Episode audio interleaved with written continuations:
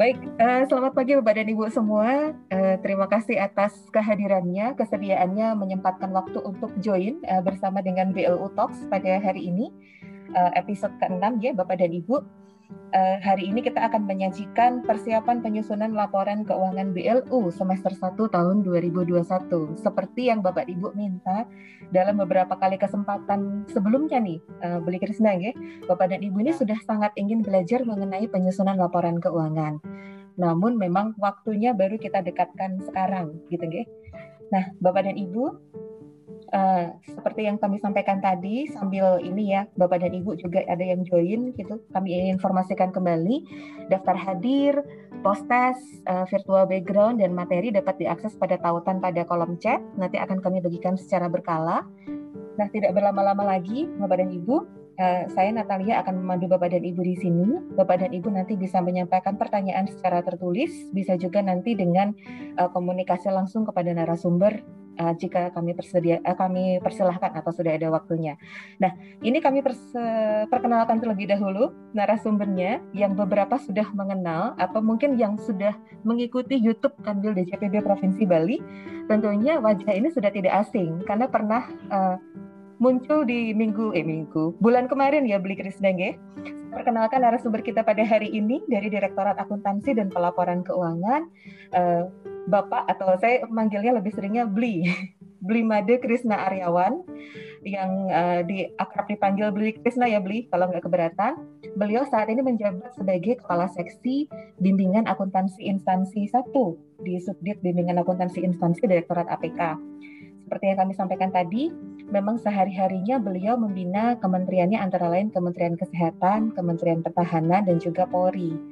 Nah, uh, untuk yang Kemendikbud dan Kemenhub jangan kecil hati, tetap boleh uh, join ini gitu ya, Zoom ini karena nanti intinya regulasinya mengenai peraturan atau penyusunan laporan keuangan kurang lebih akan sama. Baik, kami persilahkan kepada Bli Krisna untuk menyapa semua peserta dan juga memperkenalkan diri selanjutnya selain nama Bli mungkin. Oke, moga silakan. Ya. Ya, terima kasih Mbak Natalia. Assalamualaikum warahmatullahi wabarakatuh. Selamat pagi menjelang siang Bapak Ibu semua. Om Swastiastu. Om Swastiastu. Bagaimana kabar Bapak Ibu? Tadi sudah diperkenalkan oleh Mbak Natalia. Terima kasih Mbak Natalia. Kami sudah diberikan kesempatan di sini untuk bisa nanti kita saling sharing ya mungkin ya. Saya bukan narasumber loh Mbak Natalia ya. Karena narasumber sesungguhnya kan Bapak Ibu nih selaku praktisi langsung untuk penyusunan laporan keuangan di unit BLU-nya masing-masing. Nanti kita saling sharing saja dalam rangka memang kita dalam menghadapi persiapan ini khususnya untuk penyusunan laporan keuangan di semester 1 tahun 2021 ini. Tentunya ada beberapa nanti yang perlu kami sampaikan kepada Bapak dan Ibu sebagai uh, modal awal ya agar Bapak Ibu juga memiliki informasi terkait dengan dinamika penyusunan laporan keuangan di semester 1. Tadi Mbak Natalia minta saya perkenalan lagi ya. Eh tadi sudah cukup Anda tadi ya. Saya dengan Made Krisna Aryawan, saat ini kami ditugaskan di uh, Direktorat Akuntansi dan Pelaporan Keuangan. Kebetulan saat ini kami mengampu 3 KL yang uh, berhubungan dengan apa namanya penugasan kami yaitu Kementerian Kesehatan, Kementerian Pertahanan dan juga Kepolisian Republik Indonesia. Kebetulan juga di sini ada beberapa satker yang sudah bergabung juga untuk lingkup uh, pembinaan kami. Yang saya kenal di sini ada Bu Kadek Suma Mulyarta nih dari Poltekes ya. Poltekes dan Pasar ini cukup aktif juga nih konsultasi dengan kami. Kemudian dari Selamat pagi Pak. Selamat pagi Bu Kadek. Rekan-rekan dari Rumkit Bayangkara, kemudian rekan-rekan dari uh, Rumah Sakit Udayana, rekan-rekan dari Universitas Udayana, dan juga ada BLU yang baru ya Mbak Natalia ya? Betul sekali ya. Beli, ada dari Politeknik Negeri Bali, Bali ya. Iya. Kemudian betul. yang dari per Kementerian Perhubungan ini BLU-nya apa? Ada Politeknik Transportasi oh, Darat Bali. Politeknik Transportasi. Yang dari Perhubungan. Kemudian dari Universitas betul. Pendidikan Ganesha. Ini kayaknya yang paling jauh satkernya nih di Singaraja ya. Iya. Oke, siap Mbak Natalia, silakan saya kembalikan lagi nih. Oke, baik. Terima kasih banyak Beli untuk perkenalannya. Baik Bapak dan Ibu, nanti selanjutnya bisa memanggil dengan Beli Krisna ya, atau mungkin Dek atau atau Pak mau aja silakan. beli beli. Uh, karena ini kita BLU Talks ini berarti Bapak dan Ibu bisa mengikuti acara ini dengan lebih santai. Ya kita bincang-bincang sebenarnya. Kita bincang-bincang untuk uh, menyiapkan penyusunan laporan keuangan. Beli pertanyaan pertama pasti nih dari banyak satker atau banyak BLU oke. Okay. rekonsiliasinya mau mulai kapan beli? Oh aduh rekonsiliasi tahun 2021 beli. Ya, ya. oke baik Mbak Natalia. Ini kita bicara mengenai rekonsiliasi. Tentu uh, kita juga akan berbicara mengenai eh, hal-hal uh, lain ya untuk pendukung dari proses rekonsiliasi itu sendiri. Hmm. Yang pertama memang kalau kita bicara rekonsiliasi kan tentu nanti Bapak Ibu harus melakukan upload data ya ke dalam aplikasi iRekon dan LK. Nah, untuk bisa melakukan upload data, tentunya kan Bapak Ibu harus melakukan input dulu ya, input semua dokumen sumber dari hasil-hasil transaksi yang sudah Bapak Ibu lakukan sepanjang tahun 2021 ini ke dalam aplikasi penyusunan laporan keuangan. Nah, kebetulan di sini kan dari uh, eh, KLBLU yang hadir di sini, kebetulan semuanya masih pengguna aplikasi existing ya untuk penyusunan laporan keuangannya. Jadi belum ada yang menggunakan uh, Sakti untuk penyusunan laporan keuangan. Meskipun mungkin dalam konteks penganggaran Bapak Ibu sudah menggunakan modul penganggaran Sakti, tetapi secara pelaporan keuangannya masih menggunakan aplikasi existing yaitu aplikasi persediaan, aplikasi Simak BMN dan juga aplikasi Saiba. Nah, kami uh, menyampaikan informasi nih kepada Bapak Ibu sekalian bahwa saat ini kami di Direktorat Akuntansi dan Pelaporan Keuangan selaku pengembang aplikasi dan juga rekan-rekan kami di Direktorat Sistem Informasi dan Teknologi Perbendaraan, kami masih dalam uh, rangkaian proses untuk bisa melakukan finalisasi penyiapan aplikasi keuangan di tahun 2021 ini. Tentunya mungkin juga Bapak Ibu bertanya-tanya ya sampai dengan saat ini kok aplikasi juga belum rilis ya Bapak Ibu ya. Nah, kami juga menyampaikan permohonan maaf Bapak Ibu sekalian karena memang dinamika dan kompleksitas untuk uh, aplikasi penyusunan laporan keuangan di tahun 2021 ini kami uh, sedang menambahkan beberapa fitur ya yang akan memperkaya uh, unsur dari aplikasi tersebut. Terlebih yang hal yang sifatnya perubahan fundamental di sini kita akan melakukan uh, perubahan ya dari sisi aplikasi persediaan karena kebijakan akuntansi kita di tahun 2021 ini kita akan menerapkan metode penilaian persediaan dengan metode first in first out atau FIFO yang sebelumnya mungkin Bapak Ibu sudah memahami bahwa kita menggunakan metode penilaian secara HPT. Nah ini mungkin uh, dinamika terkait penyiapan aplikasi yang mana nantinya dari rilis aplikasi ini ini akan menjadi trigger kami untuk bisa membuka lebih lanjut aplikasi Irekonelka Bapak Ibu sekalian. Nah, nanti ini yang kami sampaikan kepada Bapak Ibu sekalian. Untuk pelaksanaan rekonsiliasi eksternal tahun 2021, kita saat ini sedang menunggu rilis aplikasi. Segera setelah rilis aplikasi tersebut kita apa namanya sampaikan kepada Bapak Ibu, segera juga kita akan buka pelaksanaan rekonsiliasi periode tahun 2021 Nah, mungkin terkait dengan uh, teknis rekonsiliasinya sendiri, Bapak Ibu sekalian, ini Bapak Ibu tidak usah khawatir, masih sama apa namanya pedomannya masih sama dengan pelaksanaan rekonsiliasi tahun 2020. Kita masih menggunakan Peraturan Menteri Keuangan Nomor 104 tahun 2017. Untuk elemen rekonnya juga masih sama, Bapak Ibu sekalian. Ada 14 elemen rekon, termasuk Bapak Ibu di Satker BLU kan ada elemen rekonnya untuk kas dan bank BLU ya dari capaian tahun lalu Bapak Ibu sekalian sekaligus kami juga menyampaikan apresiasi nih kepada Bapak Ibu sekalian karena capaian untuk TDK KAS dan Bank BLU ini juga yang selalu kami jaga. Ini tidak ada TDK Bapak Ibu sekalian. Dalam artian TDK-nya adalah nihil ya nol ya. Ini luar biasa Bapak Ibu sekalian menjaga uh, kesesuaian data antara data siap yaitu data yang ada di kami dengan data yang ada di level Bapak Ibu dari sisi saya ya. Balik lagi ke teknis pelaksanaan rekonsiliasi, kita masih mengacu ke PMK 104 tadi sudah kami sampaikan. Nah, untuk kisi-kisi mungkin ini ya, kisi-kisi rekonsiliasi ya.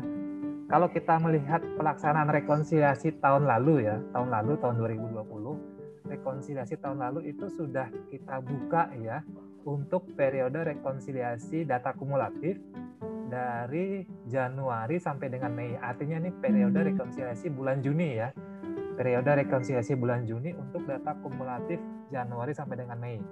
Tahun lalu kita sudah laksanakan mulai tanggal 23 Juni. Artinya kemarin ya, kalau hmm. kalau kita coba iya. terapkan yeah. di tahun 2021 ya. Seharusnya okay. kemarin itu sudah kita buka.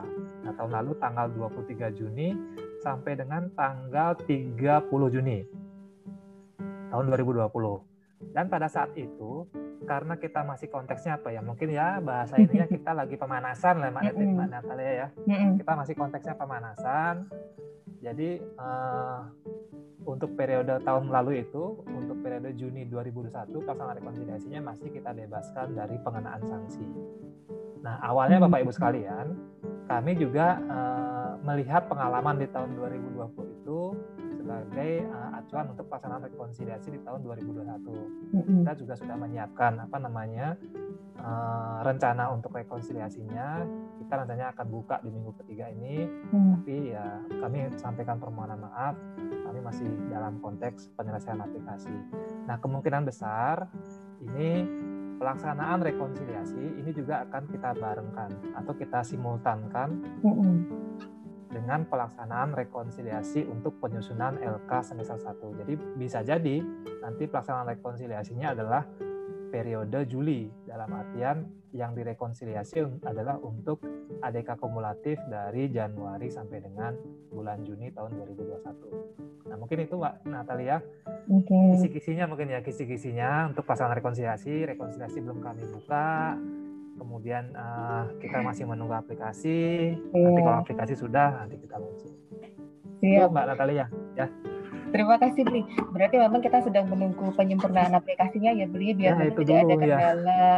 Terus ini kemarin kan sempat menunggu juga memang penyelesaian LKPP tahun 2020 ya Bli. Ah betul betul. Selamat betul, ini itu, betul, buat Bli Krisna, teman-teman di APK dan juga ya. teman-teman di BLU semua. Ya. Selamat dan terima kasih atas kerjasamanya karena LKPP uh, eh, Indonesia ya tahun 2020 masih WTP ya. WTP kembali lah ya, ya WTP untuk sekian ya. kalinya. Terima kasih ini, untuk kerjasamanya. Luar biasa loh Mbak Natalia. LKPP di tengah kita kondisi apa turbulensi pengelolaan iya. keuangan pandemi ya di masa pandemi kita masih bisa mempertahankan. Tentunya ini juga atas kontribusi ya kerja keras Bapak Ibu semua, kerjasama Bapak Ibu semua sehingga LKPP ini masih mempertahankan opini uh, eh, WTP. Saya ucapkan selamat juga nih mungkin kepada seluruh BLU di lingkup KL-nya masing-masing. Di sini ada Kementerian Pertahanan, Polri, Kementerian Kesehatan, Kementerian Pendidikan dan Kebudayaan, kemudian ada Kementerian Perhubungan.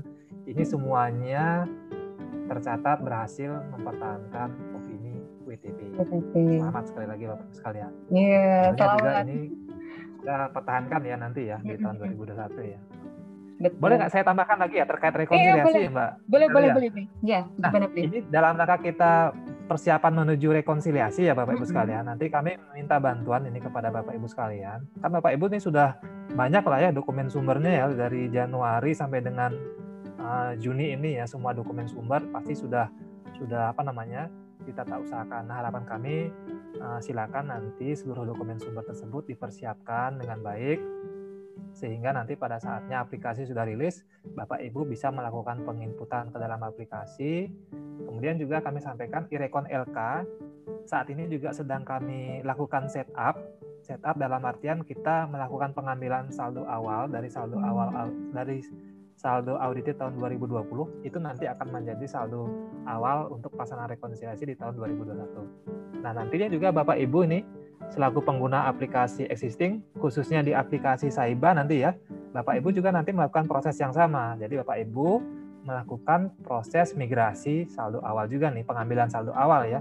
Tentunya saldo awal itu berasal dari saldo audited tahun 2020. Kami ingatkan juga nih kepada Bapak Ibu nih ya supaya nanti untuk proses pengambilan saldo awalnya berdasarkan backup terakhir ya. Backup dari aplikasi yang mana nilainya saldonya itu harus sama dengan apa yang ada di saldo audited di LK 2020 dan yang ada di saldonya di aplikasi Irecon LK. Okay. Nah, mungkin itu yang bisa kami ingatkan pada Bapak Ibu semua ini. Siap. Itu tadi kaitannya Tapi dengan LKPP ya, Bli ya? Iya, betul. Gimana, Bli? ngomong-ngomong, ada yang ingin dikonfirmasi nggak dari Bapak Ibu nih? Kita kasih kesempatan dulu lah ini oh, kepada iya. Bapak Ibu nih, terkait rekonsiliasi nih. Silahkan Bapak Ibu, ada yang mau bertanya mengenai rekonsiliasi?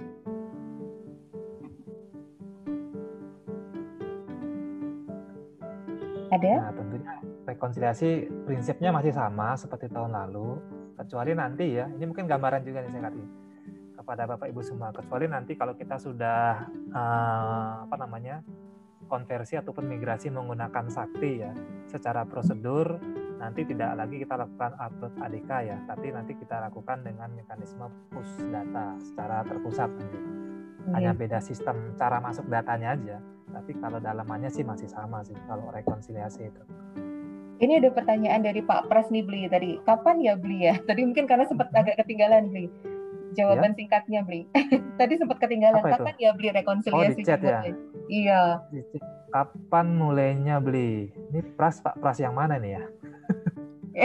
Pak Pras yang KPPN Singaraja sepertinya, Ge. Oh, Pak Pras. KPPN Singaraja. Ya. Ya, untuk rekonsiliasi kalau untuk kapannya? Nah ini pertanyaannya agak ini ya kali menjawabnya. Mungkin izin saya jawab normatif aja ini. Kapannya adalah kita menunggu rilis aplikasi. Jadi katakanlah aplikasi dirilis katakanlah hari Jumat besok ya. Hari Jumat besok dirilis aplikasi hari Senin kita buka rekodnya nah, itu hmm. aja mungkin. Siap siap. Oke. Okay. ya. baik ini kalau misalkan yang lain belum ada yang bertanya lagi soal rekonsiliasi beli berarti tadi pertama yang harus kita lakukan adalah kita nyiapin semua dokumen sumbernya dulu ya beli ditata nah, gitu ya diurutkan nah. nah terus saya tertarik tadi kan beli nyebutin nih di tahun 2021 ada kebijakan metode apa penilaian persediaan dengan metode FIFO yang oh. agak berbeda dengan tahun kemarin. Nah ini iya. berarti BLU-nya harus menyiapkan apa beli untuk hal ini beli? Iya, ini kalau untuk metode Vivo mungkin secara apa namanya uh, latar belakang ya kita menerapkan Vivo ini memang ini sudah diatur di PMK Kebijakan Akuntansi Pemerintah Pusat PMK nomor 234 tahun 2020 ya yang mana sebelumnya kita menerapkan metode HPT. Ini juga uh, selaras ya dengan pengaturan yang ada di PSAP 05 tentang akuntansi persediaan yang mana memang di PSAP 05 tentang persediaan itu dibuka ya opsi untuk pemerintah itu menerapkan metode FIFO, kemudian rata-rata tertimbang ataupun metode yang lainnya ya. Dan memang sejak awal kita pilihan pemerintah pusat adalah kita menerapkan metode secara harga perolehan terakhir. Nah, uh, nantinya Bapak Ibu sekalian, nggak usah khawatir juga nih Mbak Natalia, nggak perlu persiapan kok sebenarnya Mbak. Persiapannya mungkin hanya merubah perilaku saja nih Mbak Natalia, merubah okay. perilaku ya Iya, iya. Karena Gimana nanti dengan adanya metode Vivo ya, dengan adanya metode Vivo yang mungkin ini ya sebelumnya Bapak Ibu ya terkesan ya sama lah mungkin kayak kita mahasiswa ya kita kan sering sistem SKS ya kebut semalam ya sistem kebut semalam ya atau sistem rapel ya kita biasanya ya dalam melakukan input ya. Nah nanti mungkin perubahan perilaku kita itu adalah kita bisa lebih disiplin ini dalam melakukan uh, penginputan. Karena dengan metode Vivo ini kan runtutan ataupun kronologis dari transaksi baik itu persediaan masuk, persediaan keluar itu harus uh, ter apa namanya tersusun secara sequential ya ataupun tersusun secara kronologis tanggal kejadiannya. Karena nanti dari setiap metode apa namanya dengan penerapan metode FIFO ini ini kan uh, sebagaimana ini nih ya definisinya first in first out gitu ya. Jadi misalnya nih kita kalau saya contohkan di bulan di bulan Januari mungkin ya. Di bulan Januari mungkin Bapak Ibu ada transaksi uh, pembelian nih, pembelian suatu persediaan. Katakanlah yang paling gampang ini buku tulis ya buku, buku, buku ATK. Kertas ya. Yeah. ATK lah ya, kertas A4 gitu ya. Ada pembelian ini. Katakanlah di tanggal 5 Januari.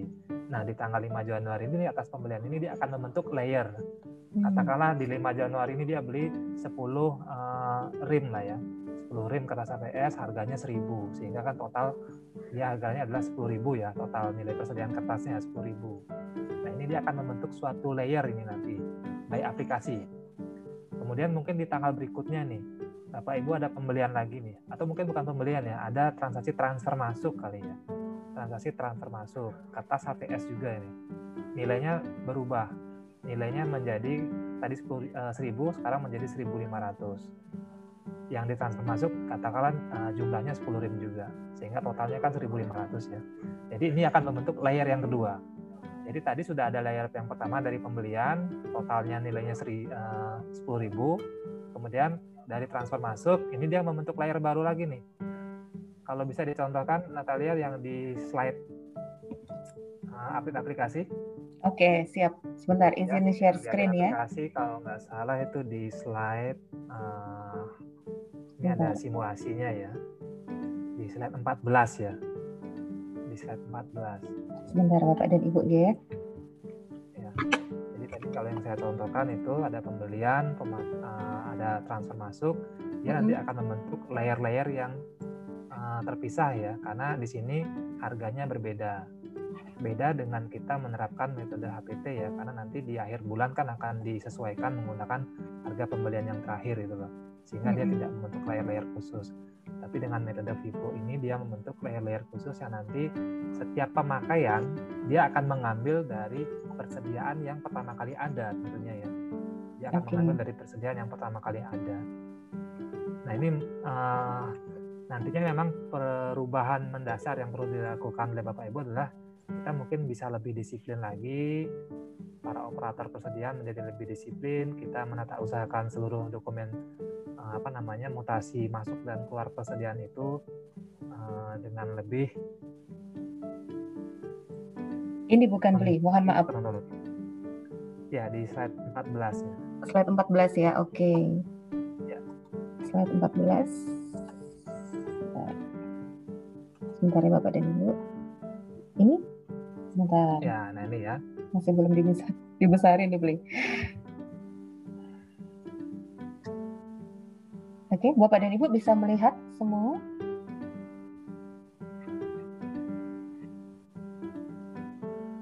Oke. Ini ini ya. Ini tadi yang saya sampaikan. Mm -mm. Nah. Ya. Oke. Okay dia dari setiap transaksi persediaan masuk ya, entah itu dari pembelian, dari transfer masuk ya, dia akan membentuk layer-layer ya, layer-layer terpisah ya, tentunya dengan harga yang berbeda. Dia membentuk layer yang terpisah. Di sini di tanggal 10 Januari ya, kalau kita lihat di slide, di tanggal 10 Januari ada pembelian, dia membentuk layer uh, oh maaf, kalau contoh ini dia ada dari saldo awal ya. Kalau dari contoh ini dia ada, ada dari saldo awal, mm-hmm. saldo awal ini dia akan membentuk layer atau batch yang pertama. Kemudian dari pembelian berikutnya dia akan membentuk layer batch kedua di tanggal 10 Januari. Kemudian ada transaksi pemakaian di tanggal 17 Januari. Nah pemakaian di sini ya. Pemakaian di sini kalau dicontohkan dia kan pemakaiannya sebanyak uh, pemakaiannya sebanyak 15 unit ya. Pemakaiannya sebanyak 15 unit mm. Maka atas pemakaian sebanyak 15 unit ini, karena di layer yang atau batch yang pertama dia ada 11 unit, tentunya kan dia akan mengambil lagi nih di layer atau batch berikutnya yaitu di layer atau batch 2 dia mengambil uh, eh, 4 unit. Jadi yang seluruhnya di layer batch 1 11 sudah terambil semuanya untuk pemakaian, sisanya dia ngambil lagi di layer batch kedua. Nah, sehingga atas pemakaian ini nantinya saldo persediaannya adalah hanya berasal dari layer atau batch yang kedua sisanya sebanyak 6 unit. Berikutnya di tanggal 20 Januari ada transaksi lagi pembelian, dia akan membentuk layer batch baru lagi. Yaitu di sini contohnya adalah layer atau batch 3 ya, pembelian 10 unit. Kemudian kalau ada transaksi uh, apa namanya persediaan keluar lagi, tentunya dia akan melihat lagi nih layer yang ada paling paling awal itulah yang akan dilakukan eh, pengambilannya. Jadi dia mengambil dari layer yang paling awal. Begitu seterusnya Bapak Ibu sekalian. Sehingga dari runtutan ataupun kronologis ini tentunya nanti sangat krusial ya Bapak Ibu bisa mengurutkan ataupun mengurutkan tanggal-tanggalnya ya sehingga perjalanan ataupun alur dari persediaan itu menjadi uh, lebih uh, ini ya lebih sekuensial. Mungkin ini sih Mbak Natalia yang bisa Bapak Ibu nanti persiapkan. Tidak ada persiapan khusus sebenarnya karena ini by system oleh aplikasi persediaan sudah dilakukan apa namanya uh, prosesnya Bapak Ibu selaku operator kami mohon bantuan agar bisa melakukan penginputan dengan lebih disiplin. Ini juga menjadi modal kita karena nanti di pada saat kita sudah beralih ke dalam aplikasi Sakti disiplin dari operator tersebut memegang peranan penting ya karena sekali lagi kita mencoba untuk merubah apa namanya pola perilaku kita dalam melakukan pencatatan. Bagaimanapun juga kan sebenarnya uh, pencatatan persediaan ini sudah dilakukan secara perpetual ya dalam artian setiap mutasi keluar masuk itu dilakukan pencatatan beda halnya kalau kita menganut uh, metode pencatatan periodik. secara periodik, mm -hmm. di mana pencatatan hanya dilakukan pada saat uh, periode pelaporan. Ya, okay. gitu Mbak Natalia. Terima kasih Bli. Kalau saya lihat dari tabel ini, berarti paling tidak kita memang benar-benar harus uh, menata usahakan dokumen di mana kita membelinya ya Bli ya. Karena nanti harga perolehan bisa jadi naik turun kan ya harga harga ATK yang iya. kita beli ini belum betul, tentu mungkin betul. tetap gitu ya Bli ya. Oke, okay, iya, Bli, iya. ini sedikit di bagian akhir. Ini transfer keluar ini, ini kasusnya kalau ya, ekstrimnya. Iya, ekstrimnya, ekstrimnya. Ada beberapa kali perubahan harga. Siap, siap. Sama ini beli yang di poin ke-8 itu kan ada beli mencontohkan transfer keluar. Di nomor ke-6 juga ada transfer masuk. Ini kasusnya yang seperti apa nih beli? Yang mana? Contohnya. Uh, transfer yang masuk dan transfer keluar persediaan ini.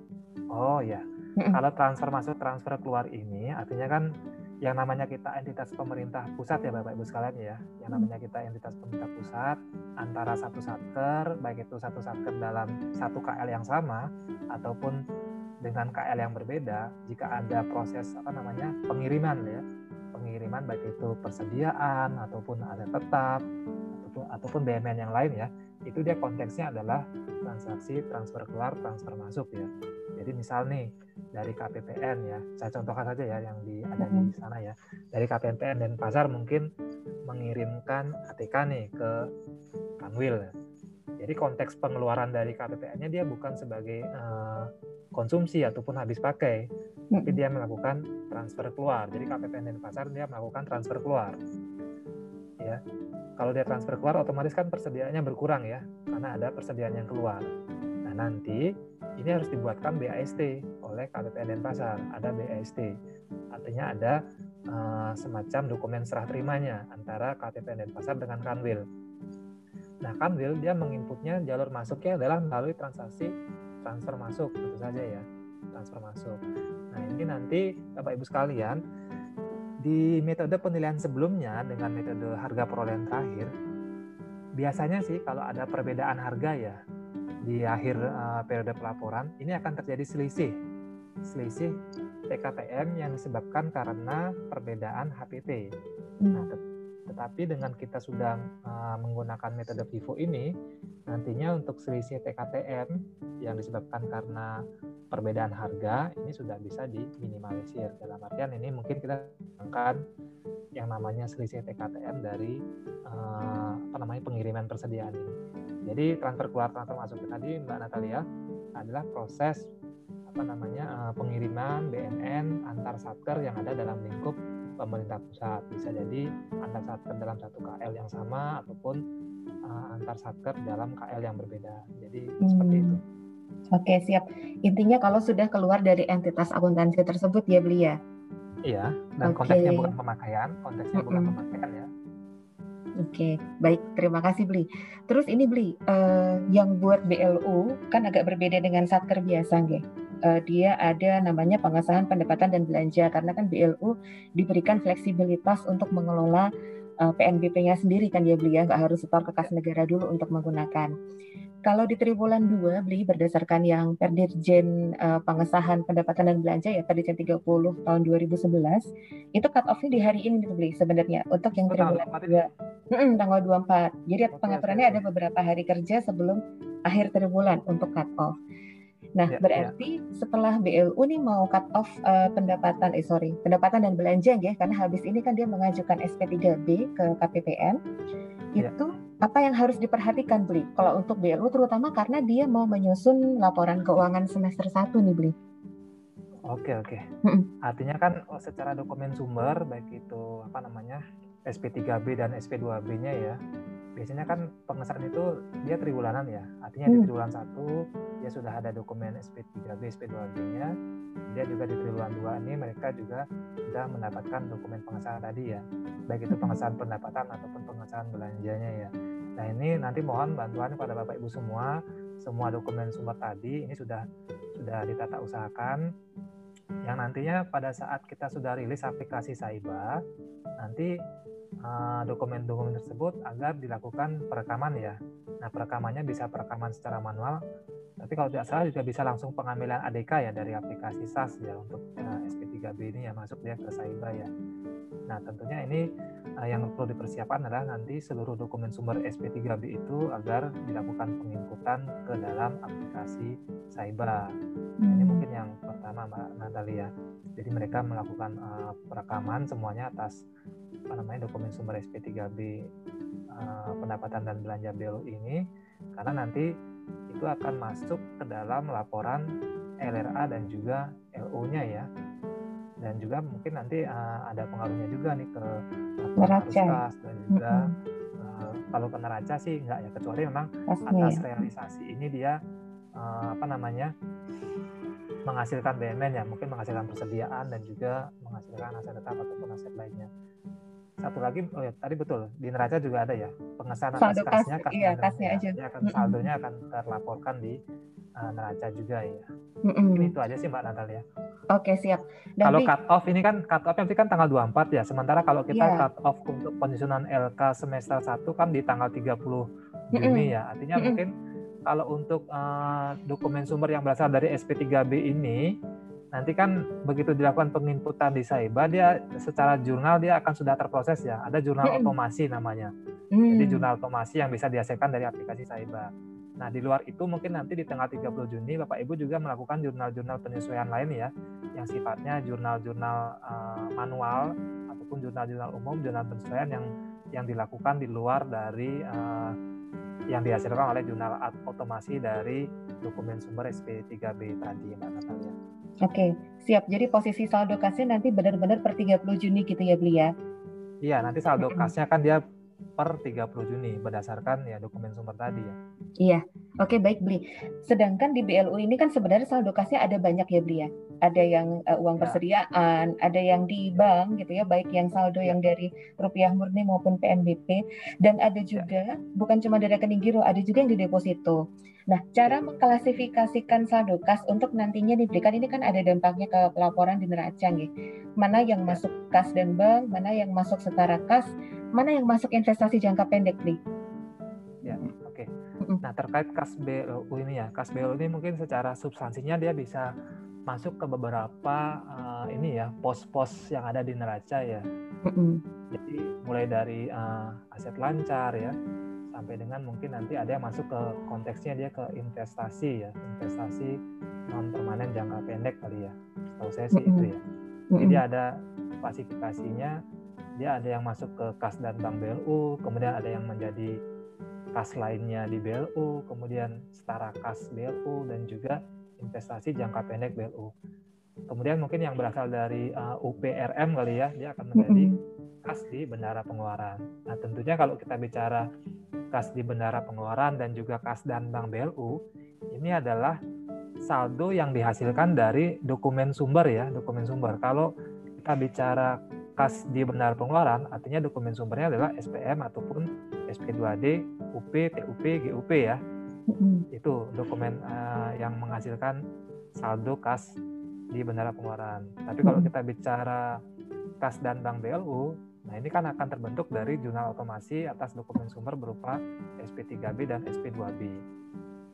Kemudian yang lainnya kalau kita bicara kas lainnya di BLU, nah ini nanti mungkin Bapak Ibu bisa uh, diidentifikasi ya Bapak Ibu sekalian ya per tanggal 30 uh, eh, Juni nanti jika ada uang-uang di luar UP ataupun uh, kas yang menjadi haknya BLU itu ya kas di luar yang menjadi haknya BLU artinya mungkin di sini ada dana titipan kalau di rumah hmm. sakit itu kan mungkin ada dana titipan pasien ya seperti itu ya. Hmm. Nah ini konteksnya dia adalah sebagai kas lainnya di BLU gitu.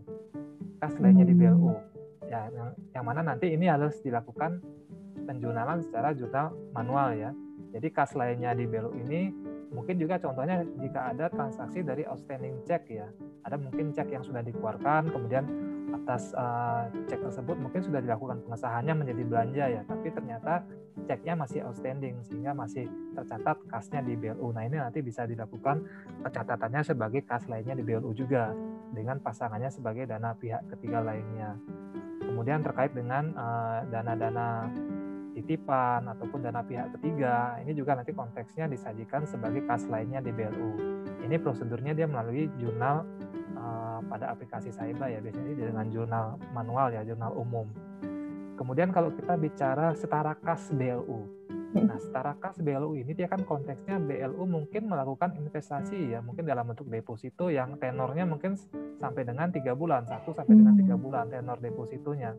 Nah ini juga nanti uh, dilakukan penjurnalan ya penjurnalan oleh BLU dia uh, direklas saja dari kas dan bank BLU-nya itu direklas dia menjadi setara kas lainnya. Mungkin untuk jurnal-jurnalnya Bapak Ibu bisa mempedomani di PMK 220 tahun 2016 ya. Dan biasanya juga di kebijakan akuntansi akhir tahun BLU ini juga kita berikan eh, rambu-rambu uh, terkait dengan jurnalnya. Nah, kalau kita bicara setara kas lainnya, biasanya untuk ini untuk mencatat adanya deposito yang masih apa namanya masih masih ada di bank ya per tanggal pelaporan dalam hal ini tanggal 30 Juni nanti ini nanti kita lakukan uh, reklasnya.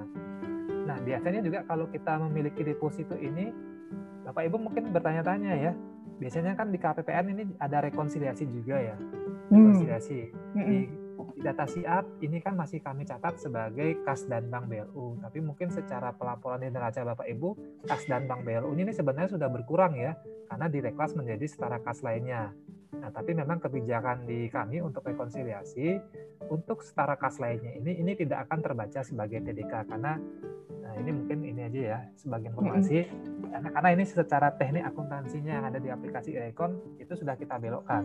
Sehingga mm. atas setara kas lainnya tersebut meskipun nanti secara penyajian di neraca dengan saldo yang ada di KPPN itu kan berbeda ya berbeda ya. Nah ini sudah sudah kita belokkan sedemikian rupa sehingga di Irekon ini tidak tertangkap sebagai uh, transaksi dalam konfirmasi. Nah, kemudian yang terakhir mungkin terkait dengan investasi jangka pendek BLU. Ini mungkin konteksnya jika ada BLU melakukan investasi untuk contoh mungkin uh, melakukan investasi dalam bentuk deposito dengan tenor lebih dari tiga bulan ya, tapi sampai dengan 12 bulan ya, 3 sampai dengan 12 bulan. Ini nanti juga dilakukan reklas, kas dan bank BLU-nya menjadi deposito dan investasi jangka pendek lainnya dari kas dan bank BU yang belum disahkan. Nah, mungkin ini Mbak beberapa apa namanya kebijakan akuntansi nanti terkait dengan pengelolaan kas yang ada di BLU ya, mulai dari hmm. kas kas di benar pengeluaran, kas dan bank BLU, setara kas lainnya, kas lainnya di BLU dan juga investasi jangka pendek uh, eh, BLU. Nah, mungkin satu jadi ini terkait dengan BLU baru ya. Di sini kan nanti yeah. ada BLU Negeri Bali ya. Iya, betul Bli, ada di sini. Polda Negeri Bali ini mungkin nanti sebagai ini saja. Nanti bila mana memang uh, pada saat pembentukan BLU itu mereka memiliki saldo awal BLU, ini juga nanti dilakukan penjurnalan ya di aplikasi Saibanya. Penjurnalannya nanti kalau sesuai dengan apa namanya kebijakan akuntansi BLU kita ini dilakukan jurnal kas dan bank BLU, kemudian pasangannya adalah penyesuaian sal BLU. Nah tentu saja juga dari penjurnalan tersebut Satker BLU mengajukan kepada KPPN untuk pencatatan memo penyesuaiannya sehingga nanti baik di sisi Satker BLU baru maupun nanti di KPPN ini sama-sama sudah memiliki saldo awal untuk pencatatan kas dan bank BLU-nya. Nah, mungkin ini Mbak Natalia. Oke, wah penjelasannya komplit ya Beli. Jadi kalau misalkan uh, eh, BLU punya deposito 1 sampai tiga bulan, itu berarti masuknya setara kas lainnya. Setara Tapi kalau lainnya. depositonya lebih dari tiga bulan sampai setahun, berarti investasi jangka pendek gitu ya Beli ya? Investasi jangka pendek. Oke, siap. Dan tadi ternyata juga sudah ada nanti metode akuntansinya di aplikasi ya, caranya Bapak dan Ibu supaya nanti tidak terindikasi sebagai uh, transaksi dalam konfirmasi atau TDK ya Beli ya. Oke, ya. siap. Terima kasih tadi eh, infonya. Lalu Bli, ini kan tadi Bli menyebutkan mengenai bahwa ini tadi untuk jurnal-jurnal Bapak dan Ibu bisa melihat di PMK 220 tahun 2016 ya sebenarnya. Iya. Ya, ya. itu ada juga kami bagikan di link di chat Bapak dan Ibu, nanti bisa merujuk ke sana, nanti peraturannya juga sudah ada di sana. Nah, menarik yang Bli sampaikan mengenai kebijakan akuntansi biasanya nanti akan ditegaskan dalam kebijakan akuntansi untuk penyusunan laporan keuangan semester tersebut. Nah, kalau boleh dibagikan, Bli, uh, kira-kira garis besarnya kebijakan-kebijakan akuntansi apa yang harus diperhatikan oleh BLU, khususnya BLU ya, Bli, untuk semester 1 tahun 2021. Biasanya yang sering suka uh, bermasalah atau terus nanti akhirnya jadi catatan atau temuan atau hal-hal yang lain lah, Bli, yang harus BLU perhatikan benar Berarti kita bicara ke konteks temuan ini ya. Eh iya, tapi ini terutama mohon maaf beli untuk uh, eh, BLU yang ini nggih penyedia barang jasa lainnya ya, yang karena kan di Bali ini sebagian besar eh memang semuanya BLU penyedia barang jasa lainnya. Ya, Jadi ya, bukan ya. yang ke BLU pengelola dana maupun kawasan mungkin. Monggo beli, okay, silakan. Nggak usah nyebut merek tapi nggak apa-apa beli. Nggak usah nyebut merek ya. Iya iya. iya. Tapi saya masih terpaksa nyebut merek juga nih nyerempet oh, gitu. ke merek juga. ya. Iya. Kalau bicara mengenai kebijakan spesifik yang perlu mendapat uh, fokus perhatian, tentu saja kalau Belu kan dia ada karena dia memiliki fleksibilitas ya fleksibilitas pengelolaan kasnya juga yang memiliki kekhususan maka ya memang yang pertama ini dan yang memang eye catching ya eye catching oleh uh, pemeriksa pastinya ya kebijakan akuntansi pengelolaan kas ya ini penting yeah. ini jadi akuntansi pengelolaan kas sebisa mungkin ya semua rekening-rekening itu sudah terdaftar ya yang digunakan untuk operasional maupun apa namanya ke, untuk kepentingan lainnya di BLU ini semuanya sudah mendapat persetujuan dari kuasa bun ya dari KPPM lah ya dari Menteri Keuangan gitu. Kemudian juga BLU bisa mengidentifikasi ini kas-kas yang dikelolanya ini sehingga nanti secara substansi uh, jelas substansi kas tersebut apa? Apakah memang ini hak BLU apakah ini memang uh, rekening apa namanya uang untuk operasional BLU yang berasal dari RM yang mana? Bisa dipisahkan ya bisa dipetakan sehingga nanti untuk penyajiannya uh, bisa disajikan dengan tepat di neraca. Itu mungkin yang pertama untuk kebijakan kas ya. Ini yang memang eye catching yang sering menjadi apa namanya temuan yang sifatnya baik kalau saya bilang ini temuan yang sifatnya mematikan ini. Karena kalau sudah temuan kas iya ini mematikan nih BPK itu biasanya apa namanya no excuse lah kalau oh. terkait dengan kas ya. Ya ini tanpa menyebut merek ya di akhir tahun kemarin nih Mbak Natalia ada salah siap, satu BLU ya salah satu BLU ini untungnya bukan di Bali nih di provinsi lain ya. ini ada fraud. Oh. ada fraud ya ada fraud di situ terkait dengan ya kebijakan dari pimpinan BLU-nya sendiri sih. Nah, tapi memang kita pada akhirnya ini di luar dari konteks fraudnya kita melakukan apa yang namanya uh, jurnal manual juga ya untuk bisa menyamakan posisi kas fisik yang ada di BLU dengan catatan yang ada di uh, eh, KPPN ya. Karena kan ini harus reconcile ya. Karena mungkin ya kasnya digunakan untuk hal-hal yang di luar ya. Di luar peruntukan ataupun di luar RBA yang sudah ada di BLU sendiri ini kemarin ini hampir saja nih mempengaruhi opini dari suatu KL tersebut. Tapi untungnya ini bisa kita coba apa namanya isolir ininya. Karena fraud ini kan ya ini ini sudah sudah di luar dari uh, akuntansi ya. Tetapi secara akuntansi ini kita bisa coba apa namanya uh, apa namanya kita lakukan sehingga secara penyajian, secara pengungkapannya juga bisa kita uh, apa namanya berikan pengungkapan secara jelas dan memadai. Intinya sih situ. Karena kan dari sisi apa namanya kriteria pemeriksaan itu kan sebagaimana kita ketahui ya. Hmm.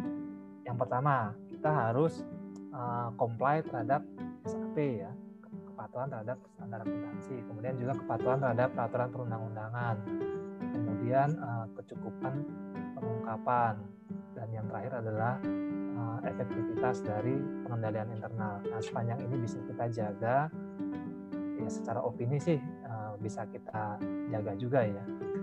Tapi kan kalau untuk BLU ini selain BPK mungkin juga dia diperiksa oleh KAP juga ya.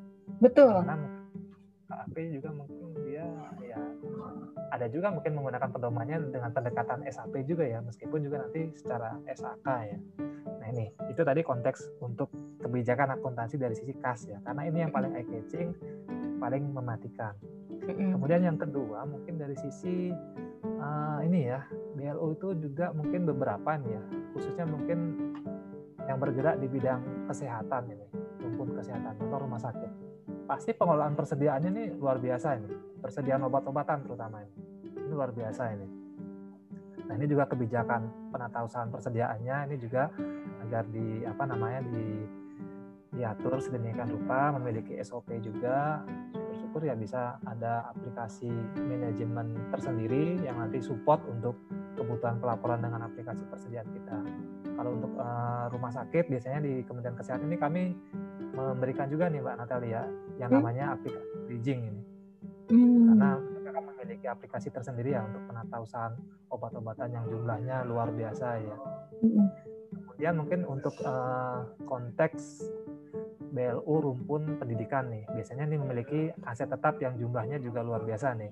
Sehingga di sini kebijakan akuntansi untuk aset tetap ya. Aset tetap ini juga uh, perlu mendapatkan fokus perhatian. Nah, kemudian mungkin karena kita bicara BLU ini sebagai penyedia jasa, kan nanti akan terkait sekali dengan kebijakan untuk uh, pendapatan, kemudian juga kaitannya dengan kebijakan terkait piutang. Yang perlu diperhatikan ya titik-titik pengakuan dari pendapatan tersebut, kemudian juga bagaimana titik-titik pengakuan dari piutang. Ini nanti uh, yang menjadi uh, apa namanya pedoman bagi Bapak Ibu semua untuk bisa menyajikan ataupun apa namanya mengungkapkan nanti terkait dengan apa namanya pendapatan dan juga piutang-piutang yang memang dikelola oleh BLU. Itu mungkin Anda Talia ya. Oke. Okay. Terima kasih Beli. Wah ini menarik. Ternyata tadi waktu Beli sebutkan bahwa titik krusialnya kalau BPK tuh biasanya ngelihatnya soal kebijakan akuntansi pengelolaan KCBLU ya Beli. Sampai Beli menggunakan kata-kata mematikan gitu. Hati-hati ya kalau misalkan kita tidak bisa memisahkan atau mengklasifikasikan mana yang sebenarnya sudah menjadi haknya BLU, mana yang belum menjadi haknya BLU. Nah kalau penyedia barang dan jasa lainnya Beli yang di sektor pendidikan dan kesehatan, ini kan pasti banyak uh, kerjasama juga dengan pihak ketiga ya Bri ya, kan kita juga ada namanya mekanisme kerjasama operasi maupun kerjasama manajemen untuk BLU. Nah terus nanti juga akan ada yang namanya uang muka atau mungkin nanti uh, pendapatan bagi hasil pendapatannya gitu ya Bri. Tadi yang beli garis ya. bawahi adalah harus diperhatikan titik-titik cut off pendapatan gitu ya Bri ya. Mana yang sudah menjadi haknya BLU pada semester 1, mana yang belum gitu ya ya kurang lebihnya. Oke, nah sekarang kalau boleh kita sambil buka ya Beli ya, kita selingan, kita buka hmm. dulu kesempatan untuk dari uh, eh, BLU maupun peserta di sini. Ada juga yang bukan dari BLU Beli, ada juga yang dari tadi KPPN, Kanwil, uh, Direktorat PPK BLU dan teman-teman yang lain. Kalau ada yang mau menyampaikan pertanyaan atau mungkin sharing sesuatu, boleh ya Beli Krisna ya? Oh boleh, kita okay. kan bisa sharing di sini. Iya, silakan. Jadi bukan one man show di sini ya. Iya betul one man show. Bapak dan Ibu silahkan yang mau menyampaikan sesuatu atau mau bertanya nih ke Beli Krisna. Silahkan Bapak dan Ibu. Boleh menyalakan mikrofon. Ibu Yudani. Oh, baik. Baik Mbak Nadia, terima kasih waktunya. Selamat pagi, uh, Beli Krisna ya, sama Mbak Natalia. Selamat pagi, Mbak Yudani, Punati Gata, Becek Niki, Beli. Posisi di mana Niki beli Jakarta? Posisi di Jakarta. Ah, nggih, nggih, nggih. Baik, uh, selamat pagi juga menjelang siang Niki Bapak Ibu sekalian. Jadi menarik sekali uh, apa yang tadi, tadi sudah dipaparkan. Jadi kita sebenarnya menunggu-nunggu nih uh, beli dari kemarin-kemarin itu gimana ya kok nggak rilis juga ini saya banyak ya. Bahkan, bahkan sempat karena dari Dewas juga sudah memonitor mengenai kontrak kinerja. Jadi kita yeah, juga yeah. sempat konfirm sama uh, PKBLU gitu nanti untuk kontrak kinerjanya bagaimana kalau misalnya ini saya banyak belum gitu kan. Nah syukurnya kami juga sudah mempunyai uh, sistem internal sendiri untuk keuangannya. Yeah. Jadi uh, dari segi keuangan mungkin tidak terlalu bermasalah. Uh, tetapi uh, dari BMN-nya nih karena SIM aset sendiri untuk internal kami belum mempunyai uh, juga SIM persediaannya. Nah itu uh, seperti tadi disampaikan ya kalau dari uh, sisi keuangannya mungkin uh, bagi kami sudah tidak terlalu bermasalah namun uh, untuk persediaan dan BMN itu kami sering kali menghadapi masalah. Jadi karena uh, kalau dari sisi persediaan itu kita sudah membentuk uh, sub anak satker gitu ya untuk persediaannya. Uh, dan mungkin saya cerita saja ya, jujur gitu ya uh, terkait dari confirm dari KPPN juga beberapa hari yang lalu gitu menanyakan mengenai jurnal tidak lazim yang ada di Saiba kami. Jadi itu memang nilainya cukup besar seperti persediaan itu sekitar 5 miliaran. Nah, itu uh, itu sebenarnya cukup sulit bagi kami uh, beli Krisna di sisi uh Saiba uh, karena kita tidak uh, tidak apa istilahnya intens gitu untuk uh, ikut menghandle persediaan maupun BMN. Jadi tidak juga uh, sering terlibat di sana sehingga kita, ketika kita rekonsiliasi gitu banyak sekali memang hal-hal uh, uh, yang tidak kami pahami belum lagi kemudian operator-operator yang ada di persediaan maupun BMN juga tidak terlalu uh, paham juga termasuk kami juga belum terlalu paham mengenai logika akuntansi yang ada di uh, sistem persediaan maupun sistem BMN. Nah terkait dengan uh, Kementerian Teknis kami kemarin kami bolak-balik pisah mas gabung lagi kemudian pisah ya. gabung lagi. Nah itu kita ya. ya kita 2020 itu ada likuidasi itu bahkan ya. sampai sampai uh, terakhir kami audited kemarin itu saya pikir sudah kelar gitu beli ya jadi kita TKTM TKTM terakhir itu udah sama beli tapi uh -uh. Uh, uh, entah kenapa gitu saya juga kurang paham ternyata BPK masih berlanjut kemudian dari uh, simak BMN uh, Dikbud juga masih berlanjut. Mungkin secara parsial ini sampai terakhir kita mendapati uh, satker kita itu TKTM-nya masih tidak sama. Nah itu saya sampai uh, uh, uh, saya sampai tanyakan ke Dikbud, nah ini gimana ceritanya ini? Kok kok jadinya tidak sama. Nah uh, pihak Dikbud bilang, aduh ini juga sudah sudah lelah gitu ya, mungkin sama-sama capek ini ya. ya jadi ini Kementerian Teknis konteks mungkin, ini enggak? TKTM ya. dalam konteks likuidasinya atau TKTM ada pengiriman dari sektor lain? Likuidasi ini beli. Likuidasi ini likuidasi. Ya. Ya, okay, ya. Okay. Iya, itu uh. itu di kami tuh masih tidak sama uh, dan uh, saya sempat juga uh, coba uh, diskusikan dengan teman-teman BMN. Nampaknya ini karena pengaruh adanya revaluasi aset. Nah, oh, itu uh, uh, itu mungkin uh, saya dengar informasinya revaluasi aset itu ternyata diinputkan uh, di dalam BMN tetapi uh, pada saat uh, pada saat sudah uh, rekonsiliasi dengan kami ya baru kemudian ada uh, penginputan nilai reval. ya. Barang barangkali ya barangkali itu yang menyebabkan saya juga tidak tidak paham terlalu paham gitu mengenai uh, aplikasi BMN.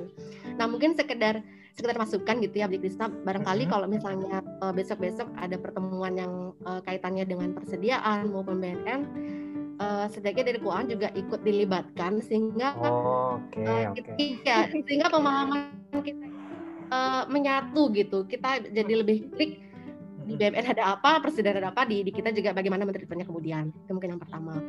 Uh, terus yang berikutnya mengenai uh, rumah sakit. Kebetulan kami juga punya rumah sakit dan rumah sakit memang seperti yang disampaikan sama Mbak Natalia tadi uh, item persediaan obat-obatannya juga cukup banyak. Uh, dan meskipun rumah sakit kami juga sudah mempunyai uh, semacam aplikasi sendiri gitu ya untuk menghandle persediaannya tetapi selalu saja memang di akhir periode terjadi masalah uh, uh, apa proses uh, apa ya istilahnya ya pengkompilasiannya di dalam simak persediaan. Nah itu sering terjadi. Ya Uh, kemudian terakhir mengenai cut off. Cut off di bulan Juni ini uh, seperti tadi juga disampaikan adalah 24 Juni. Nah, itu memang ada beberapa hari yang nantinya akan menjadi catatan gitu yang mesti kita treatment lagi di dalam uh, jurnal neraca. Nah, itu sih biasanya uh, untuk uh, apa ya istilahnya pendapatan dan belanja yang masih uh, belum disahkan ya. Nanti mungkin itu hmm ada kalanya kita akan muncul nanti uh, uh, kas yang belum disahkan di di dari kas sisi kredit. belum disahkan. Ya. Ya. Itu aja sih Bli Krisna. Iya. Siap, siap, siap. Makasih Mbak Yudani. Iya. Ya. Silakan Bli ini dari curhat dari yang CLBK nih. Ini korban CLBK. Monggo Bli. Iya, iya, iya. Oke, Mbak Yudani dari Universitas Udayana ya. Ini emang pengalaman antara Dikbud sama Dikti ini berapa kali nih kawin cerai terus ya. bisa ranjang rujuk lagi bisa ranjang. Nah, sekarang kayaknya rujuk lagi nih. Nah, ini memang cukup melelahkan ya mbak ya? bukan cukup melelahkan melelahkan ya. Benar kan benar benar beli di level atas kan ya mungkin cuma ganti identitas ya. Tapi kan di iya. administrasinya yang melelahkan ya. Nah tadi iya. juga oleh mbak Yudani sudah disampaikan ya bahkan sampai sekarang nih masih ada selisih uh, eh, TKTM ya. Selisih iya. TKTM nah mungkin di sini konteksnya selisih TKTM yang dari sisi uh, TKTM aset tetapnya ya, aset tetapnya ya. Betul, Karena betul, betul ini, ini tadi betul. Kita memang di tahun 2020, eh, 2019 ya, 2019 dan juga tahun 2020 ini kita kan dalam tahapan ya dalam rangka penyelesaian penyajian kembali nilai revaluasi ya atau yang kita kenal dengan sebenarnya itu koreval ya koreksi revaluasi aset tetap yang mana memang terkait dengan koreval ini ada mungkin beberapa aset yang secara historisnya ya ini harus kita selesaikan dulu nih. Pada saat mungkin aset itu masih menjadi BMN-nya di unit lain ya. Jadi penyelesaiannya kan harus di situ dulu gitu loh. Baru nanti dilakukan TKTM ditransfer nilai bersihnya berdasarkan hasil dari apa namanya hasil revalnya baru ditransfer kembali ke unit yang uh, selanjutnya. Nah proses ini memang uh, kami pernah menerbitkan juga pedoman panduannya. Mungkin nanti teman-teman di BMN sebenarnya yang lebih memahami ya. Kita sudah sudah terbitkan bagaimana uh, menyikapi tersebut. Pastinya di situ ada jurnal manual sih yang harus dilakukan setahu saya ya. Dari Juknis itu ada jurnal yang harus dilakukan juga oleh teman-teman di baik itu teman-teman di Saiba dan juga nanti uh, koordinasinya dengan teman-teman di BMN. Nah terkait dengan selisih TKTM ini selain selisih TKTM, ini juga mungkin PR-nya terkait dengan BMN anomali ya, karena mungkin ini konteks di temuan di LKPP juga ya, temuan di LKPP banyak terjadi BMN anomali, yang salah satunya juga karena proses revaluasi ini. Salah satunya mungkin BMN anomali ini yang biasanya kita akumulasi penyusutan saldo normalnya di sisi, di sisi kredit, tapi saldo akumulasi penyusutannya justru di sisi debit. Kalau di note ada nggak yang seperti itu? Uh, enggak sih, enggak ada sih. Ya. Okay. Kalau dari pantauan saya tadi di Irekon saya lihat di unit sih uh, semuanya saldo BNN-nya sih normal ya. Nilai buku minus nggak ada, nilai pola minus nggak ada. Tapi memang terkait selisih TKTM, selisih TKTM ini memang dia hanya satu periode sih berlakunya Mbak Yudani. Dia hanya berlaku satu periode karena dia masuk di LPE ya, masuk di LPE. Nanti juga ini uh, dia sudah tutup buku nanti akan terkonsolidasi di sana ya. Nah, selisih TKTM memang salah satu penyebabnya. Kalau kita eh, apa namanya konteks likuidasi, kita kan hanya berubah identitas ya.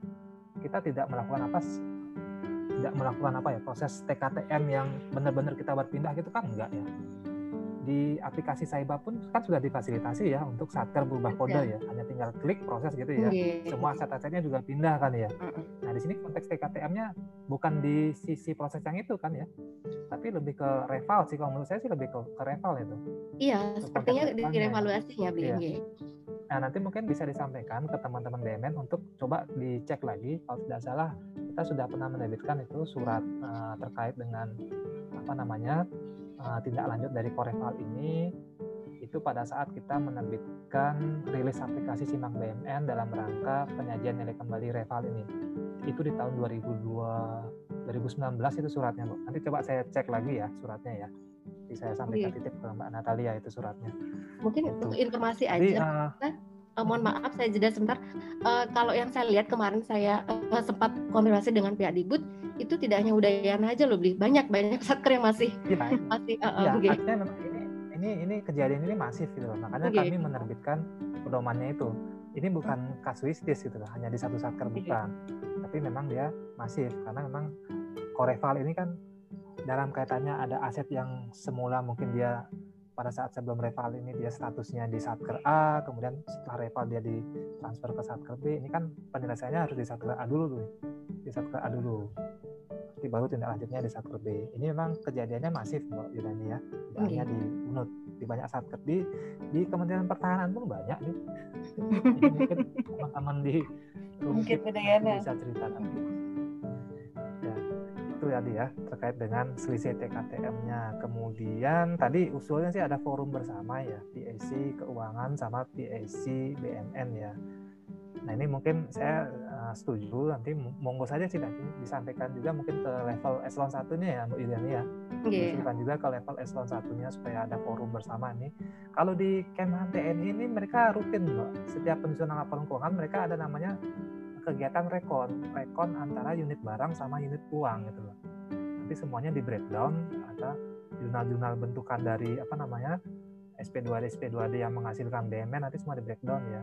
Tadi betul kata Mbak Yudani, uh, kita juga dalam rangka meningkatkan kualitas pelaksanaan rekon ya, kita memasukkan unsur uh, jurnal tidak lazim ini sebagai salah satu mungkin pertimbangan dari rekon. Tapi bukan berarti kalau ada masih ada jurnal tidak lazim kemudian KPPN uh, eh, menghold ya iya. penandatangan barnya. Nah mungkin ini hanya sebagai ini aja sih sebagai warning ya teman-teman saker ya.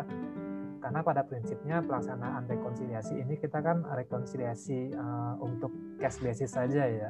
Sementara untuk uh, jurnal tidak lazim, pagu minus, kemudian saldo tidak normal, itu kan semacam add-onnya saja kalau saya bilang ya add-onnya saja. Semata-mata itu kami lakukan untuk lebih meningkatkan kualitas laporan keuangan Bapak Ibu semua. Ya. Nah terkait dengan jurnal tidak lazim, jurnal tidak lazim kan kalau boleh saya sampaikan jurnal tidak lazim ini adalah jurnal kenapa tidak lazim? Karena dia dibentuknya bukan dari proses penginputan yang normal gitu loh. Dalam artian begini seharusnya kalau kita bicara uh, jurnal yang menghasilkan BMN ya itu kan pasti kita bicaranya ada SP2D katakan SP2D yang menghasilkan persediaan atau ada SP2D yang menghasilkan aset tetap. Dia akan membentuk persediaan belum diregister aset tetap belum diregister Nah sekarang kadang mungkin kan kita uh, di lapangan ya banyak sekali terjadi kesalahan penganggaran, kesalahan penganggaran. Contohnya mungkin ada belanja modal ternyata digunakan untuk perolehan persediaan ataupun sebaliknya belanja persediaan ternyata dia menghasilkan aset tetap. Nah dengan demikian kan semestinya sih yang dilakukan ya semestinya nih antara unit pelaksanaan dengan unit pelaporan ini kan ngobrol ya ngobrol tektokan lah ya tektok gitu ya. Misalnya dari unit pelaporan nih ngelihat nih oh ini ada aset aset belum register kita masih muncul nih di tanggal pelaporan. Ini kan harusnya kalau di semester 1 di triwulan 3 itu it's okay lah masih ada iya. akun-akun aset belum register tadi. Tapi kalau di akhir tahun nah ini hukumnya haram ini ya. Nggak boleh nggak boleh ada ini ya nah maka kadang-kadang kan kreativitas dari teman-teman di pelaporan ya kreativitasnya apa? Di jurnal manual kan? Di jurnal manual. Lah itulah yang tertangkap sebagai jurnal tidak lazim gitu. Loh seharusnya apa? Nah kita sekarang bicara masih konteks kita di uh, semester, semester ya ataupun di semester satu ya. Kalau nanti masih muncul hal, hal seperti itu yang ngobrol nanti dilakukan tindak lanjutnya adalah dilakukan revisi. Revisi IPA kemudian ralat SPM SP2D semata-mata kita agar jurnal pembentuknya ini memang betul-betul dari jurnal yang menghasilkan barang persediaan ataupun yang menghasilkan aset tetap. Nah, ini kan teman-teman di pelaporan nih sebenarnya yang punya helikopter view-nya kan dari situ tuh nanti bisa menginformasikan ke teman-teman di unit pelaksanaan di perbendaraannya ataupun di penganggarannya. Itu mungkin nah terkait dengan apa namanya aset belum diregister ya kali tadi ya dia kan masih bisa jadi masih muncul di semester 1 dan triwulan 3 Nah ini nanti juga diinfokan ya, bisa jadi kan aset belum register itu kalau dia ada saldonya dia di sisi sebelah debit gitu ya, di sisi sebelah debit, artinya adalah mungkin Bapak Ibu sudah menginput dokumen sumber SP2D-nya ya. Sementara teman-teman di pelaporan BMN-nya, teman-teman di persediaan, teman-teman di aset tetap ini belum menginput asetnya di aplikasi persediaan ataupun di SIMAK. Itu yang pertama belum menginput. Terus yang kedua bisa jadi sudah diinput di aplikasi persen atau di simak tapi belum dikirim nih ke Saiba ya. Hmm. nah itu nanti di komunikasi ya. Karena kalau dia saldonya di debat artinya perekaman SP2D-nya sudah di Saiba. Itu kalau saldo di debat. Kemudian kalau dia saldonya di kredit kalau saldonya di kredit artinya teman-teman di persediaan sama di simak dia sudah nginput. Tapi mungkin teman-teman di pelaporan keuangan mungkin ya karena mungkin SP2D-nya belum terbit ya maka ini uh, mohon disegerakan. Diurus mungkin kalau dia mekanismenya UP biasanya sih dari mekanisme UPT-UP ya GUP ya ini agar segera menjadi apa namanya trigger untuk bisa diproses pertanggungjawaban GUP-nya nah, mungkin itu kemudian tadi apa lagi ya yang yang B itu soalnya tadi banyaknya tadi nggak mengenai ini cut off cut off nih. Oh, cut off ya. Uh, cut off iya. setuju tadi kalau misalnya kita kan tanggal 24 ya, 24 Juni ya. Nanti misalnya ada pendapatan lagi nih tanggal 24 ya. Pendapatan masuk. Nah, itu nanti mungkin konteksnya dia bisa sebagai uh, kas dan bank BU yang belum disahkan aja, ada belanja mungkin ya. Yang penting nanti kita bisa mensortir lah ya, mana yang sudah menjadi hak BU, mana yang belum ya. Kemudian mana yang ya itu tadi kuncinya sih di situ mana yang hak BLU sama mana yang bukan kalau yang bukan hak BLU mungkin nanti sebagai kas lainnya di BLU tapi kalau memang dia sudah hak tapi belum kita sahkan ya kita catat sebagai kas dan bank BLU yang belum disahkan itu yang Mbak Yudani ya ya, ya. Baik terima kasih Grisna ya terima kasih Mbak Yudani mungkin dari yang lain ini ada dari ini Blik, ada dari Ibu dari Undiksa Ibu Kade. Ibu Kade mau menyampaikan langsung. Terima kasih ya Bu Yudani. Kade dari Singaraja. Bagaimana Singaraja? Baik Pak. Selamat pagi. Uh, Selamat pagi. Bu Natali dan teman-teman yang lain. Izin bertanya Pak. Uh, saya mau bertanya terkait dengan hibah Pak. Hibah Oke, hibah apa? Hibah uang atau hibah barang? Barang, Pak. barang. Okay. Nah sebenarnya kami dari pihak Undiksa itu menerima hibah barang berupa uh, apa namanya tuh bus bus sekolah ya Pak ya. Hmm, dari Pemda ya? Nah bukan uh, ya dari dinas perhubungan. Cuma Pak sampai saat ini busnya itu belum terbit Pak, belum ada. Jadi belum ada apanya? Belum ada berita acaranya Pak. Oh, BAST-nya belum ada. Ya, BAST-nya. Sudah diserahkan. Asetnya sudah diserahkan, fisiknya. Iya, sudah. Uh, mobilnya udah ada di sini, Pak. Udah udah lama. Oke. Nah, cuma udah kita lama. dari sisi uh, apa namanya itu saya sebagai uh, saiba ya, Pak ya. Itu kan hanya sekedar mm-hmm. menerima aja, Pak. Dan di sisi mm-hmm. penyusunan laporan keuangannya itu pun saya mencatatnya hanya di sisi calegnya aja tanpa apa namanya itu uh, penjelasan eh, BAST-nya. Terus pertanyaan saya itu sampai kapan gitu? Apakah ada batas waktu ya kan uh, dalam penyampaian hibahnya ya kan untuk dicatat dalam simak BMN-nya. Kemudian pertanyaan yang kedua itu saya terkait dengan dana kelolaan Pak. Dana kelolaan apa? Dana kelolaan dana kelolaan dari misalnya kayak PLPG ya kan uh, dana dari kampus Merdeka, ya kan Pak? Kan itu masuk sebagai dana kelolaan di di rekeningnya Undiksa. Itu dari eselon 1 ya Bu ya uangnya? Atau dari Bu? Dari eselon 1 ya? Iya, dari eselon 1. Nah, kalau kemarin kita sebagian dana kelolaan itu kita catat Pak sebagai transaksi resiprokal. Cuma kendalanya agak berat ya Pak ya. Karena kita harus tahu SPD SP2D-nya dan SP2D dari pihak ya dari pihak uh, yang memberikan juga dia harus mencatatnya ya kan? Jadi harus ya. saling koordinasi ya kan? Uh, dan pertanyaan saya apakah uh, semua dana kelolaan itu harus dicatat sebagai transaksi resiprokal ya kan? Apakah itu harus diwajibkan? Kemudian ya. kalau seandainya tidak gitu ya kan? Karena saya kemarin agak susah jadi maunya biar dicatatnya sebagai in out aja pak. Hmm. tapi tapi itu bagi uh. tapi sama pihak BPK kan itu menjadi temuan ya ya kan? Iya. Ya kan? temuannya sih nggak temuan-temuan berat sih temuan ringan aja ya Iya, tapi dari sisi apa kebijakannya kan jadinya ya menyalahi ya Pak ya.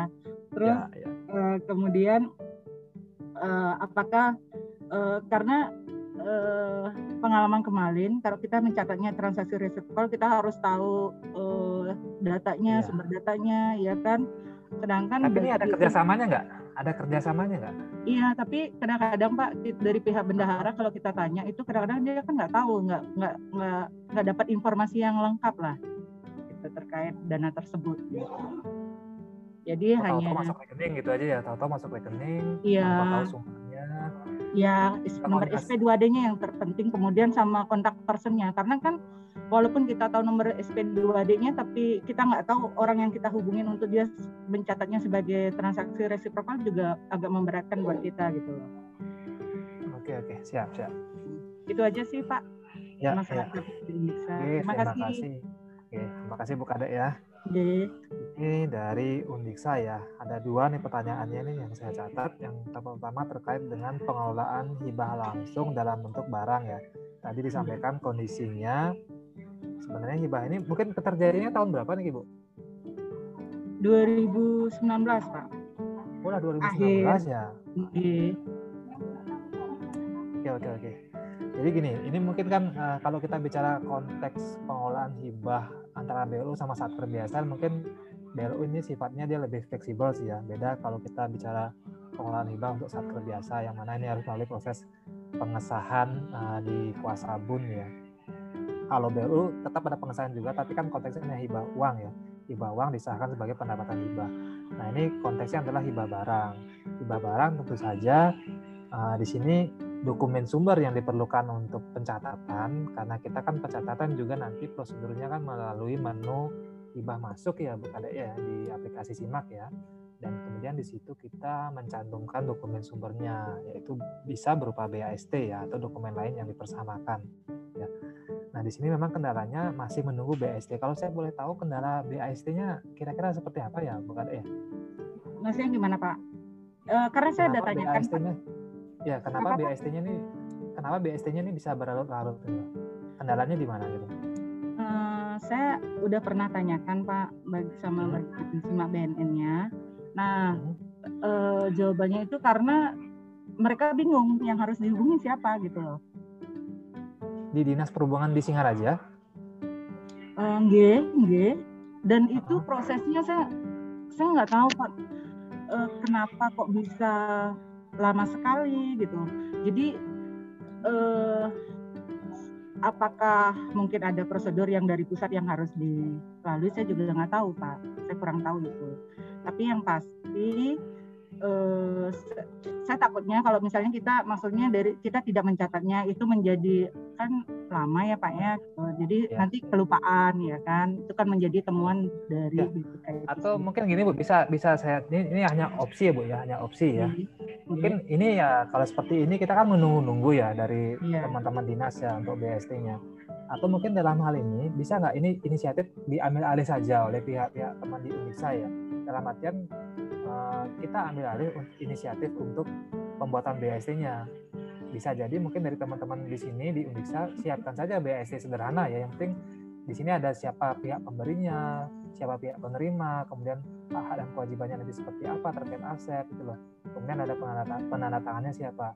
Karena semakin lama ini eh, apa namanya berlarut-larut ya ini nggak baik juga ya. Meskipun hmm. tadi dari Bu Karek menjelaskan ini di calegnya sudah dijelaskan ya ada BMN berupa bus ini sudah diungkapkan tapi kan ini belum masuk ke dalam konteks uh, BMN kita gitu loh karena belum masuk di pencatatannya di SIMAK terlebih juga nanti kan kita nggak bisa juga nih menganggarkan untuk pemeliharaannya nih karena belum tercatat sebagai BMN ya. Iya jadi BMN. mobilnya itu nggak pernah dipakai pak. Nah itu tadi kan. Ini ini ini kayak harus dilihat ya. Teman-teman yang lebih tahu nih teman-teman di Uniksa yang lebih tahu nih nggak mungkin saya tahu kan ini asal muasalnya seperti apa latar belakangnya seperti apa kenapa dulu mau menerima bis itu ya. Nah ini sehingga ini ini memang yang harus di, diambil alih sih karena kalau masing-masing pasif ya nggak selesai selesai selesai tapi, ya. tapi sebenarnya dari uh, dari kita dari pihak Indonesia bisa ya pak ya menerbitkan uh, eh, BAST itu sendiri ya pak bisa. Kalau menurut saya bisa bu. Yang penting kan kita me, me, mencoba untuk memfasilitasi dokumen sumber ya sehingga kita bisa mencatatnya sebagai BMN ya. Ini mungkin saya contohkan saja seperti ini ya. Di tahun 2020 kemarin ya, hmm. ini saya konteks di KL binaan saya Kemenkes ya. Di tahun 2020 kemarin sangat luar biasa nih Kemenkes itu menerima hibah barang dalam rangka penanganan pandemi Covid ya. Dalam rangka penanganan pandemi. Memang konteksnya ini kejadian luar biasa ya. Sehingga uh, memang way out-nya adalah jalan keluarnya adalah uh, mereka menyediakan semacam form BAST sederhana gitu di mana di form BAST itu tercantum nih siapa pihak pemberi siapa pihak penerima ada penanda tangannya lah nah dari dokumen sumber BAST sederhana ini yang menjadi dokumen mereka untuk bisa melakukan penginputan ini nah berangkat dari sini nih karena di sini kan kita masih terkendala nih di BAST nih ya. Iya Saya betul. Cuma menyampaikan analogi aja nih. Silakan aja disiapkan mungkin dari teman-teman inisiatifnya diambil yang penting nanti kan dari pihak dinas perhubungannya juga mereka mau menandatangani teman-teman di Uniksa juga nanti mau menandatangani ya sehingga diperolehlah dokumen sumber kunci nih iya. perekaman yeah. di BAS di sinaknya mungkin itu yang bisa kami usulkan nih Bu apa namanya Bu Kadek ya meskipun mungkin apa namanya uh, koordinasi dengan teman-teman uh, di sub juga terus dijaga nih agar yeah. mereka juga bisa menindaklanjuti karena bagaimanapun juga substansi asetnya kan sudah apa namanya ada di Undiksa ya. Kemudian juga ini apakah sudah diurus juga nih terkait dengan penetapan status pengguna. Biasanya kan kalau BMN ada status penggunaan juga ya PSP-nya ya. Ya. Didaftarkan juga nih ke teman-teman KPKNL nanti nih untuk uh, status penggunaan dari BMN tadi gitu loh. Ini mungkin uh, apa namanya tindak lanjutnya aja nanti kalau sudah tercatat sebagai BMN memerlukan apa namanya penetapan status penggunaan ya. Itu yang pertama ya Bu Kade ya. Yeah, kalau saran saya coba saja di uh, inisiasi untuk proses penyusunan BST-nya. Mudah-mudahan di tahun ini ini bisa selesai. Nanti jangan yeah. lupa dilakukan penginputan di SIMAK, kemudian juga di jurnal ya. Di jurnal manual juga oleh saibanya diakui sebagai pendapatan hibah barang ya. Iya Kemudian yang kedua resiprokal BLU dana kelolaan. Nah ini kalau kita bicara resiprokal, memang ini kan uh, transaksi yang melibatkan antara sama-sama entitas pemerintah pusat ya, satu entitas non BLU dengan entitas BLU. BLU dalam hal ini kan pemberi kerja, eh bukan pemberi kerja, penerima kerja BLU-nya iya. ya. Satker biasanya dia sebagai pemberi kerja. Ya kita ini sudah mengatur surat dari Direktur Akuntansi kalau nggak salah surat berapa ya saya lupa nomornya bentar saya ngintip dulu ya saya ngintip dulu kebijakannya nih untuk hal ini. Nah ini surat Dirjen Perbendaraan nomor S621 tahun 2019 tanggal 25 Juni 2019. Ini petunjuk teknis identifikasi dan eliminasi transaksi resiprokal antara Satker BLU dengan Satker entitas pemerintah pusat ya. Jadi nanti ini surat kita yang kita jadikan pedoman untuk penginputan transaksi resiprokal. Memang kalau kita bicara transaksi resiprokal kita harus pegang dulu nih dokumen kerjasamanya sebetulnya itu ya, ya kan dokumen kerjasamanya kita pegang nah berarti dalam konteks ini Bu Kade ya. ini sudah koordinasi juga nih kayak selon satu koordinasi nggak ini Uh, kalau yang terkait dengan uh, dana dari Ristek itu kemarin kita udah koordinasi Pak. Jadi hmm. makanya kemarin sempat dicatat sebagai transaksi resiprokal. Terus terkait dengan yang ini, yang kampus Merdeka ini belum belum Pak. Mereka ya mungkin nanti bisa minta bantuan saya nanti ke ke eselon satunya ya untuk memfasilitasi nih. Tapi informasi... apakah memang harus semua dana kelolaan itu harus dicatat sebagai transaksi resiprokal Pak? Prinsipnya gini Bu Kade, dana yeah. kelolaan ini kan artinya uh, rumah sakit, eh kok rumah sakit, Universitas Undiksa ini selaku penerima kerja kan ya, yeah. dari dari satker non BLU. Universitas Merdeka tadi dia satker atau bukan? Bukan dari eselon satunya, Pak. Hah? Dari dari, ya? dari Kenapa, Pak? Nanti tolong di, diidentifikasi. Maksudnya begini. Uh-uh. Kalau transaksi ini melibatkan sama-sama satker, entitas uh-uh. pemerintah pusat, maka dia konteksnya resiprokal, ya. Jadi oh. satker BLU, ibu ibu ada selaku satker BLU dengan satker non BLU, ya. Nanti kan pendapatannya dicatat sama satker BLU, pendapatan yeah. BLU, nanti kan belanjanya dicatat sama satker non BLU kan ya belanja. Nah, ini yang harus dieliminasi kan pendapatan sama belanja ini dieliminasi. Tapi kalau nanti dana kelolaannya misalnya berasalnya bukan dari satker pemerintah pusat, nah ini nggak perlu dicatat sebagai resiprokal. Kalau dana ya. penelitian itu Pak, dana penelitian dari Risbang itu. Ya makanya saya, saya, yang saya katakan dulu Bu, ini mm -hmm. konteks kerjasamanya seperti apa, mm. ya siapa yang terlibat dalam kerjasama ini apakah antara satker BLU dengan satker non BLU konteksnya dia sama-sama satker ya ya konteksnya dia sama-sama satker kalau hal-hal ini semuanya terpenuhi maka ini ini konteksnya dia adalah resiprokal gitu ya konteksnya dia resiprokal gitu jadi kalau saya, tadi pertanyaan Bukade, apakah semua dana kelolaan itu dicatat yeah. sebagai resiprokal? Kalau dia melibatkan dua entitas ini, sama-sama entitas pemerintah pusat, satunya BLU, satunya non BLU, maka dia pasti resiprokal gitu. Ya. Iya, iya, iya. Dia pasti resiprokal ya. Cuma nanti misalnya nih ternyata dari hasil apa namanya identifikasi ternyata satker kom, apa namanya uh, kompatriotnya nih ya partnernya yeah. ternyata bukan sat, bukan satker gitu lah katakanlah dari satker Pemda gitu ya yeah. dari SKPD Pemda itu bukan resiprokal mm. ya itu saja mungkin ya bukan ada ya yeah, yeah, sampai sini sampai sini clear dulu nggak nih sebelum kita mengatakan dana kelolaan ini resiprokal atau bukan. Gitu. Oh iya iya, paham paham Pak. Saya pikir semua, ya, saya pikir semua dulu mitranya, mitranya Bu Kade ini, mitranya ini yang memberikan ya. kerja ini, dia satker pemerintah pusat atau bukan itu aja. Ya. Cukup clear sepertinya ya Bu Kade ya. Terima iya. kasih Beli Krisna. Terima kasih ya. Bu Kade. Beli ini sebenarnya uh, masih ada yang bertanya yang lainnya. Tadi kalau uh, Mas ya. Mas Gatot ya, Mas Gatot yang sekarang sudah pindah ke Kanwil Jogja. Mas Gatotnya bukan sudah pindah nih, Mas Pras. Iya. Aduh. ke Kanwil Jogja. juga BLU Talk nih di Jogja nih. Kok masih nimbrung di sini? Mas Pras ini. Sudah, sudah terjawab sepertinya ya transaksi resiprokalnya sejauh yeah. apa sudah ya? Sudah.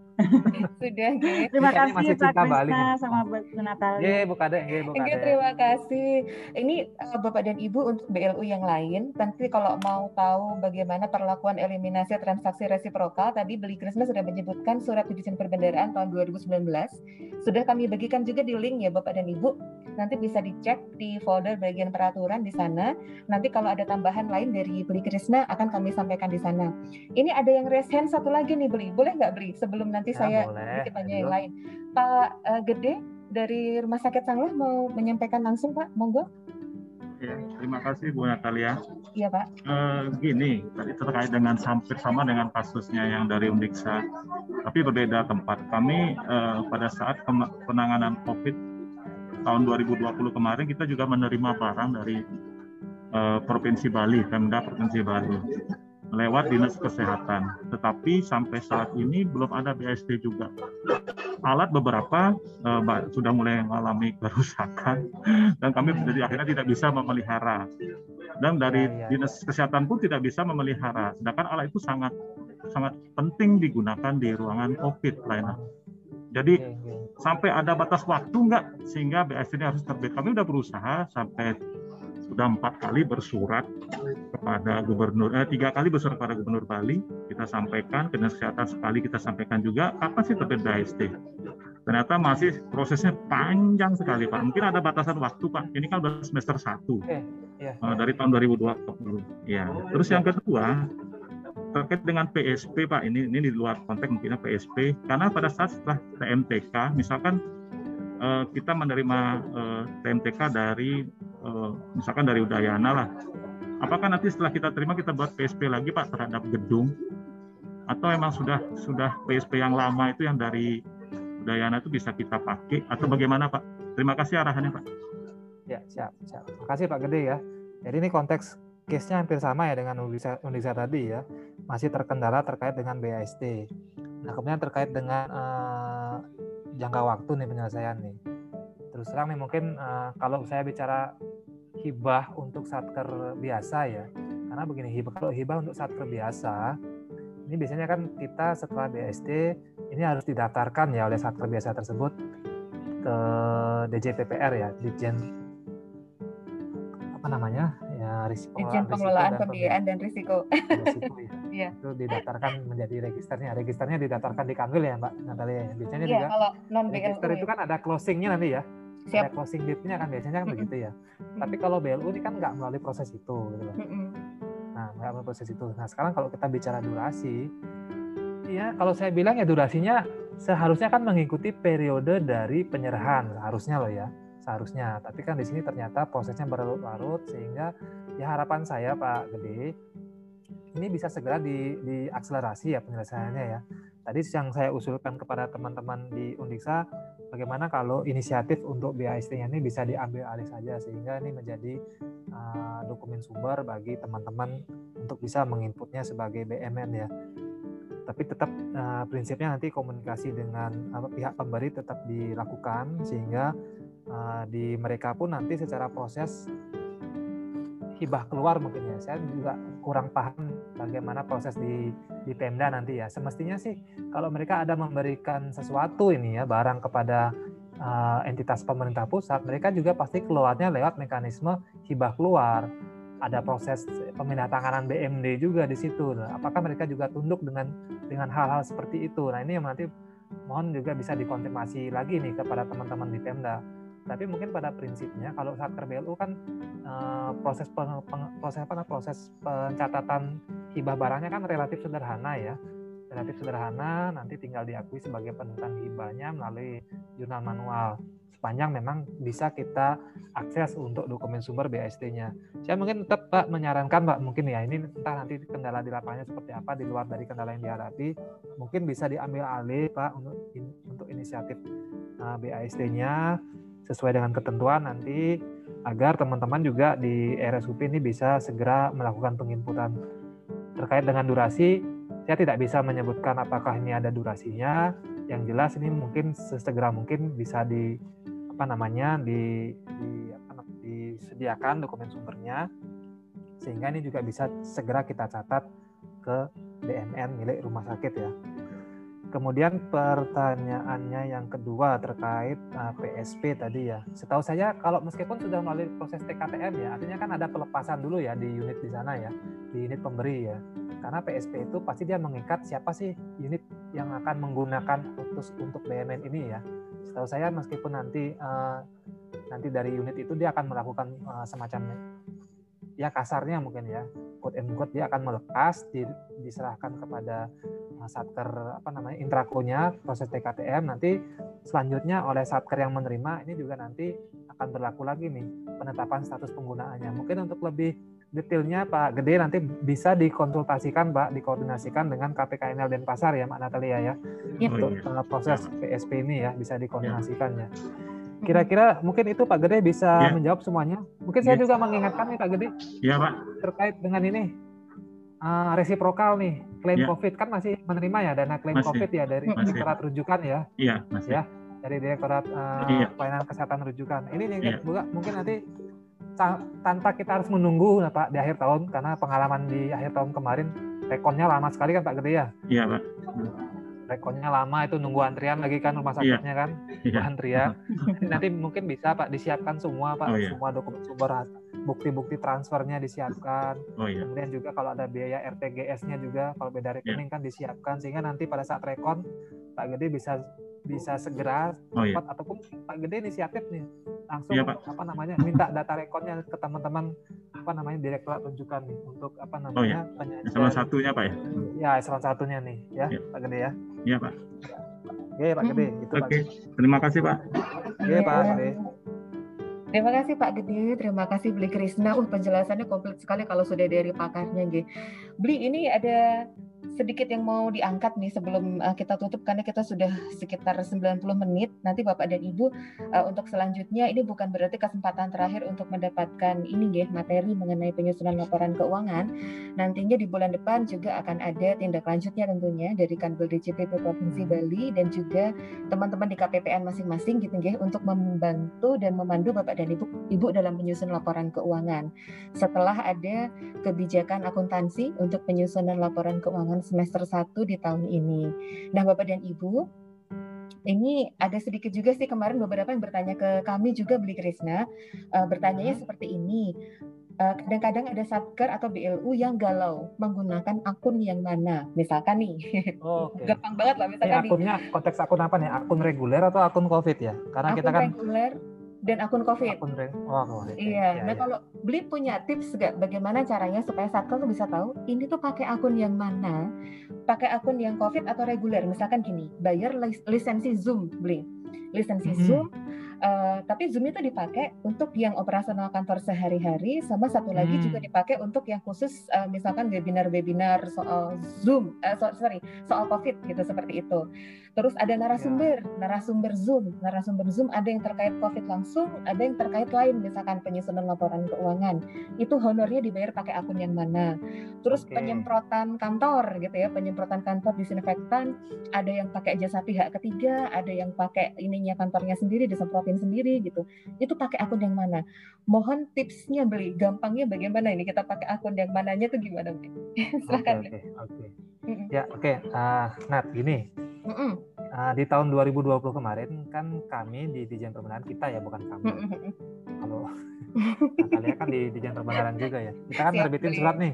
Yeah, surat yeah. S369 ya tahun Betul. 2020 itu kalau salah di bulan April 2020 Kemudian ada tindak lanjutnya lagi surat S628 ya tahun 2020 ini. Nah kalau untuk satker-satker BLU ini ada diberikan tambahan lagi ya akun-akun terkait dengan penanganan pandemi COVID nih. Kalau nggak salah nih ada 8 akun nih. Jadi 8 akunnya nih ada dari mulai belanja barang BLU, penanganan pandemi COVID, belanja barang persediaan, belanja jasa, pemeliharaan, perjalanan, sampai ke belanja modal lainnya BLU ya. Betul. Nah, kalau bicara tipsnya, tipsnya jadi simpelnya gini aja sih. Karena memang di tahun 2020 kemarin uh, karena kita euforia ya, karena memang konteksnya juga penanganan COVID ya. Kita hmm. euforia apa pun kita kaitkan dengan COVID ya, sehingga secara pemilihan akunnya juga kita menggunakan akun-akun yang berbau ada embel-embel di belakangnya itu COVID. penanganan pandemi COVID-19 iya. ya. Nah ini kita coba luruskan ini uh, di penggunaannya di tahun 2021. Simpelnya seperti ini ya, simpelnya seperti ini. Kita mencoba mengidentifikasi apakah memang pengeluaran kita itu kita keluarkan itu memang ada kaitannya, korelasinya, hubungannya secara langsung dengan penanganan pandemi COVID. Itu sih kata kuncinya, hmm. ada korelasinya, hubungannya dengan secara langsung dengan penanganan pandemi COVID. Contoh mungkin ini, kalau penyemprotan desinfektan di ruangan itu pasti kan ya, mm-hmm. pasti ada hubungannya dengan penanganan pandemi COVID. Sehingga mungkin konteks untuk satker BLU dia bisa saja menggunakan kalau dia ah, penyemprotannya diserahkan ke pihak ketiga, biasanya sih itu belanja, belanja barang aja sih. Ya. Barang apa jasa beli? Nah, kalau jasa lebih kepada ini ya, uh, jasa profesi ya mm-hmm. kepada pembicara, konsultan ya kalau menjadi jasa ya. Mm-hmm. Tapi monggo saja nanti dilihat. Tapi sih lebih konteksnya sih lebih ke belanja barang sih menurut saya belanja barang BLU mm-hmm. ya. karena di situ uh, kita berkontraknya dengan uh, pihak lain ya dalam rangka pengadaan. Pengadaannya berupa berupa barang ya. Barangnya kan desinfektan kan sebenarnya kan ya. Iya. Bukan bukan jasa yang nggak ada barangnya kalau kita pembicara gitu loh. Konsultan itu kan nggak ada barangnya kan? Makanya itu jasa kan ya kan ya? Tapi kalau desinfektan kan sebenarnya ada ya kan? Cairan desinfektannya itu kan dibeli gitu. Hmm. konteks seperti itu. Nah kalau kegiatan penang apa namanya penyemprotan jelas ya itu penanganan pandemi covid. Kemudian kalau kita bicara sekarang kita memberikan uh, memanggil nih narasumber nih ya. Narasumber gitu loh kalau narasumbernya menyampaikan materi terkait penanganan COVID, maka gunakanlah belanja jasa BLU penanganan pandemi COVID. Tapi kalau kita memanggil narasumber, kemudian materinya di luar penanganan COVID, ya gunakan saja akun reguler. Gitu. Hmm. Oke, okay, Natalia okay, ya. Oke, oke. Siap. Jadi Kemudian tipsnya... konteksnya untuk, iya, tipsnya seperti itu, itu aja. Ini ada nggak sih kaitannya secara langsung dengan penanganan pandemi COVID? Nah tadi juga yang Natalia katakan kita sekarang ini karena konteksnya memang kita ada forum WFH, WFO ya sehingga kita mm. berlangganan. Kalau itu sih eh, konteksnya memang kita dalam rangka pencegahan ya, pencegahan. Kita tetap melaksanakan melaksanakan pekerjaan ya, melaksanakan pekerjaan kita dengan sarana Zoom. Kita juga dalam rangka menangani pandemi COVID sehingga tidak menyebar luas. Itu bisa kalau untuk apa namanya lisensinya dengan menggunakan uh, belanja barang penanganan COVID itu bisa. Hmm. Oke oke oke. Siap. Berarti esensinya kita harus melihat dulu kegiatannya tadi ya Bria. Kalau misalkan kita mengadakan barang, barangnya ini terkait langsung untuk penanganan COVID atau tidak? Atau jasanya ya. ini terkait langsung nggak? Kalau nggak terkait langsung ya. atau kayak sebenarnya bisnis as usual, cuman yang bisnisnya itu kan berubah ya. gitu ya? Itu berarti betul, lebih betul, ke betul. operasional kantor gitu ya Bria. Betul, betul. Kemudian satu lagi mungkin ingatkan juga nih belanja perjalanan nih, perjalanan. Oke. Okay. Sekarang kan memang kita perjalanan dibatasi ya, kita ada dilengkapi juga dengan tes-tes segala macam ya, tes uh, antigen, genus ya. Dan biasanya itu kan melekat juga di penerbang. Tapi sekali lagi nih, konteks perjalanan kita ini yang kita lihat ya. Konteks perjalanannya. Kalau kita perjalanan dalam rangka mungkin menangani COVID gitu loh ya menangani pandemi COVID gitu ya. Nanti gunakanlah ya akun-akun belanja perjalanan penanganan COVID. Tapi misalnya kalau kita perjalanan dalam rangka menghadiri katakanlah forum yang membahas penyusunan laporan keuangan, ya gunakan akun reguler gitu. Jangan menggunakan belanja perjalanan penanganan pandemi COVID. Oke. Okay. Siap, terima kasih banyak Beli. Uh, Beli, ini ya. sepertinya sudah sudah cukup banyak yang di-sharing pada hari ini gitu. Beli udah menjelaskan banyak hal dan kami tahu bahwa ini tidak akan bisa selesai semua, tapi mungkin kami kembali mengingatkan kepada Bapak dan Ibu uh, di BLU di Bali ya, atau mungkin yang di luar Bali juga ya gitu ya. Uh, masih ada banyak cara lain kok kita untuk koordinasi soal ini gitu ya. Nanti Beli Krisna juga akan melalui eselon satunya dia akan menyampaikan berbagai macam hal, terutama KLKL yang dibina Beli Krisna ya, Beli uh, dan hmm, juga teman-teman lain dari Direktorat APK. Lalu kemudian Kanwil DCPB dan KPPN siap membantu Bapak dan Ibu nantinya teman-teman yang menangani uh, akuntansi ataupun laporan keuangan. Nah, Bli, ini saya sekalian menyampaikan sedikit pengingat juga untuk uh, teman-teman BLU karena sebagaimana PMK BLU Simple ya, uh, BLU itu tadi kan sudah disebutkan oleh Bli Krisna bahwa dia itu sebenarnya kan bukan hanya entitas akuntansi, tapi juga entitas pelaporan ya Bapak dan Ibu berdasarkan PSAP 13. Jadi oleh karena itu dia diaudit oleh auditor eksternal. Yang dalam hal ini uh, kalau BPK sih sebenarnya lebih kaitannya sampling ya Billy, kebanyakan ya. Uh, yeah. Kalau audit yeah. kepada BLU itu adalah sampling terkait uh, KKL. Nah, kemudian nanti ada beberapa juga BLU yang kemudian diaudit secara langsung oleh BPK dalam hal misalkan PDTP dan lain sebagainya. Nah, Bapak dan Ibu untuk memenuhi kebutuhan tadi karena sebagai entitas pelaporan itu BLU juga diaudit oleh auditor eksternal, maka dalam PMK BLU Simple masih diatur bahwa nanti itu juga bisa dijalankan oleh KAP. Oleh karena itu Bapak dan Ibu bisa ngecek kembali uh, ketentuannya di dalam PMK BLU Simple okay? bagaimana nanti cara-cara penunjukan KAP. Tapi KAP-nya tentunya bukan KAP yang sembarangan, tapi KAP yang sudah mendapatkan uh, izin dari BPK dan yang sudah dipastikan paham mengenai pernyataan standar akuntansi pemerintah ya Bri ya. Jadi nggak berbeda lagi. Bapak dan Ibu nggak perlu bikin laporan keuangannya banyak gitu ya. Mungkin bisa jadi laporan keuangannya satu, tapi itu diaudit oleh KAP dan juga oleh nantinya BPK dan dikonsolidasikan juga ke LKKL gitu kurang lebih sedikit uh, pesan mengenai tadi yang Beli sempat singgung juga mengenai audit oleh KAP. Bli, ini karena sudah 90 menit, eh, kami berterima kasih sekali atas kesempatan dan juga waktu dan ilmu yang dibagikan. Boleh Bli uh, sharing closing statement atau mungkin uh, reminder terakhir gitu untuk BLU-BLU di Bali dan juga BLU yang lain yang mengikuti? Oke, okay, nah yeah. bukan closing statement kali ya, reminder aja. Oh, reminder, oke okay, boleh. Nah, Siap. Uh, Bapak Ibu mungkin di sini uh, berdasarkan pengalaman kita dalam menyusun laporan keuangan di tahun 2020 banyak sekali lesson learn ya yang bisa kita dapatkan ya khususnya bagaimana upaya-upaya kita tetap bisa menyusun laporan keuangan di masa pandemi COVID ini ya. Kemudian juga transaksi-transaksi terkait uh, penanganan pandemi COVID juga sangat uh, banyak ya. Nah mungkin satu hal yang menjadi concern kami di tahun 2020 kemarin khususnya untuk uh, pertanggungjawaban ya dan juga pengesahan di akhir tahun itu kita pengalaman sampai dengan beberapa kali kita buka dispensasi ya termasuk juga dispensasi untuk pengesahan SP3B BLU. Nah harapannya Bapak Ibu mungkin bisa lebih apa namanya lebih lebih konsekuen lagi mungkin ya dalam hal uh, pengesahan SP3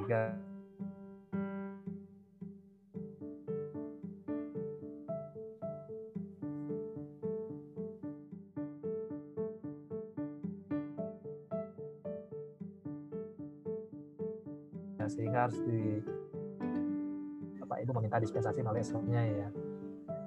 Kemudian mungkin terkait dengan uh, pelaksanaan rekon, kami mohon kesabaran Bapak Ibu semua dan mohon doa restu juga semoga aplikasi penyusunan laporan keuangan tahun 2020 ini bisa segera kami rampungkan, kami finalisasi untuk segera nanti Bapak Ibu bisa kembali melakukan rekonsiliasi dengan KPPM. Mungkin itu Mbak Natalia. Terima kasih banyak Bli. Uh, Bli Krisna, ini Bapak dan Ibu sekalian hmm. sebelum nanti Bapak dan Ibu meninggalkan uh, uh, Zoom meeting ini, mohon Bapak dan Ibu berkenan untuk mengisikan daftar hadir dan juga uh, post test, gih. Post testnya itu untuk mengukur uh, tadi bagaimana uh, apa namanya kualitas kami dalam menyampaikan materi dan juga bagaimana tingkat pemahaman Bapak dan Ibu. Bapak dan Ibu juga bisa memberikan uh, pesan, kesan gitu ya di situ. Silahkan kepada Beli Krisna juga boleh pesannya disampaikan. Sama ini Beli ada yang bertanya. Uh, boleh minta ya. kontaknya Beli Krisna atau enggak ini Beli? Ah, silakan, silakan boleh oke okay. kalau, kalau boleh nanti kami nanti bagikan, ya. diundang juga Gimana? lah gitu lah ya diundang oh, juga diundang ke Bali biasanya pulang kampung gitu loh nanti saya didampingi Siap. Mbak Natalia juga nih Oh, Pak, Mbak okay. Kadek senyum-senyum juga nih, Bu. Kadek Dundiksa senyum, Kadek di. Udah pada senyum-senyum semua beli. Beli nanti kalau ada materi yeah. yang lain silahkan disampaikan. Saya akan menjadi uh, ini ya corong atau mediator untuk menyampaikan ke teman-teman BLU di link yang sudah ada. Silahkan ya beli. Ada materi, ada contoh soal, eh contoh soal, contoh praktek semuanya dibagiin deh. Ah. Biar BLU di sini bisa tambah bagus gitu ya penyusunan laporan keuangannya. Baik Bapak dan Ibu. Krisna tinggal nunggu SK aja mak. Oh Pak Krisna tinggal nunggu SK. SK apa ini? SK pulang kampung. SK pulang kampung, amin, gitu ya. Siap. Oke, Bapak dan Ibu kalau boleh nih sebelum kita menutup acara, saya boleh minta kesempatan Bapak dan Ibu untuk membuka video sejenak untuk kita dokumentasikan gitu Bapak dan Ibu, boleh berkenan? Uh, supaya kami juga bisa mendapatkan ini tertinggal foto-foto Bapak dan Ibu yang ganteng-ganteng dan cantik-cantik. Oke, okay, siap. Saya akan beri aba-aba. Ini sudah siap semua belum? Ada yang mau menyalakan kembali oh banyak loh ternyata yang ikut lo beli ini kita coba uh, iya, screenshot dulu deh. Itu belum belum belum ke share semua loh. Untung nggak uh, saya share ke ke semua ya beli ya. Oh nggak apa-apa nanti ya? nanti kita akan tayangkan rekamannya di YouTube Bapak dan Ibu, Bapak dan Ibu dan apa belu-belu lain se Indonesia juga bisa nonton beli nanti tambah banyak lagi beli ya. Jadi jangan khawatir ya. Siap uh, satu dua tiga untuk yang uh, slide pertama. Bentar. Oke, okay. boleh pakai masker, boleh juga tidak gitu. Uh, senyumnya sebenarnya tetap kelihatan sih kalau pakai masker ya beli ya. Kan itu matanya dari, ketarik dari matanya ya? Dari matanya ya begitu. Senyum senyum cantik atau senyum gantengnya itu masih uh, apa namanya bisa kelihatan. Sebentar ya bapak dan ibu. Oke. Okay.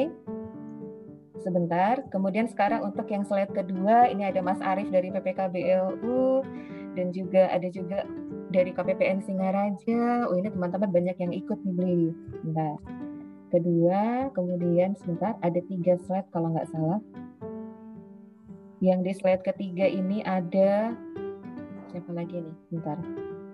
Ada dari Aklab Undiksa, Aklab Unut, kemudian sampai dengan Ibu Hesi Setiawati, Bu Ratna Dewi, dan lain sebagainya. Jadi ada banyak yang ditutup juga nih videonya, malu-malu sepertinya, Bli.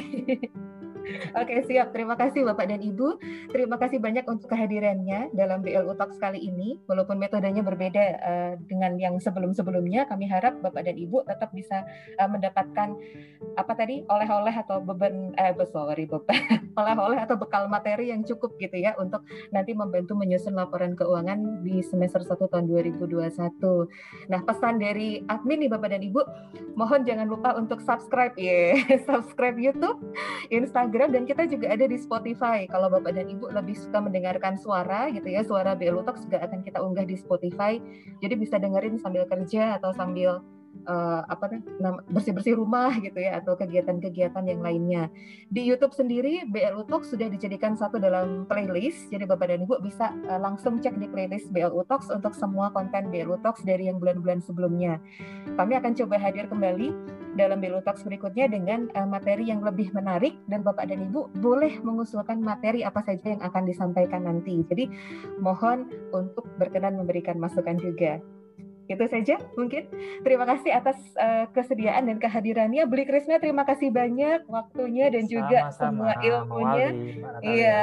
Jangan ini ya, jangan sungkan-sungkan kalau diundang Bali lagi ya Beli ya. Undang fisik juga ya Beli semoga ya. Oh, undang fisik gak sungkan ya. Oke sih. Undangan cuma gak sungkan sih. Siap. Terima kasih. Dengan ini kami cukupkan. Uh, selamat siang, salam sejahtera dan Om Santi Santi Santi. Terima kasih Santi, Bapak Santi, Ibu. Terima kasih semua Rahajan Purnama ya buat sama tahun di Bali. Iya. Terima kasih Beli Krisna, Mbak Natalia. Terima kasih Bu Sari dari NTT ini. Terima kasih Bapak Ibu.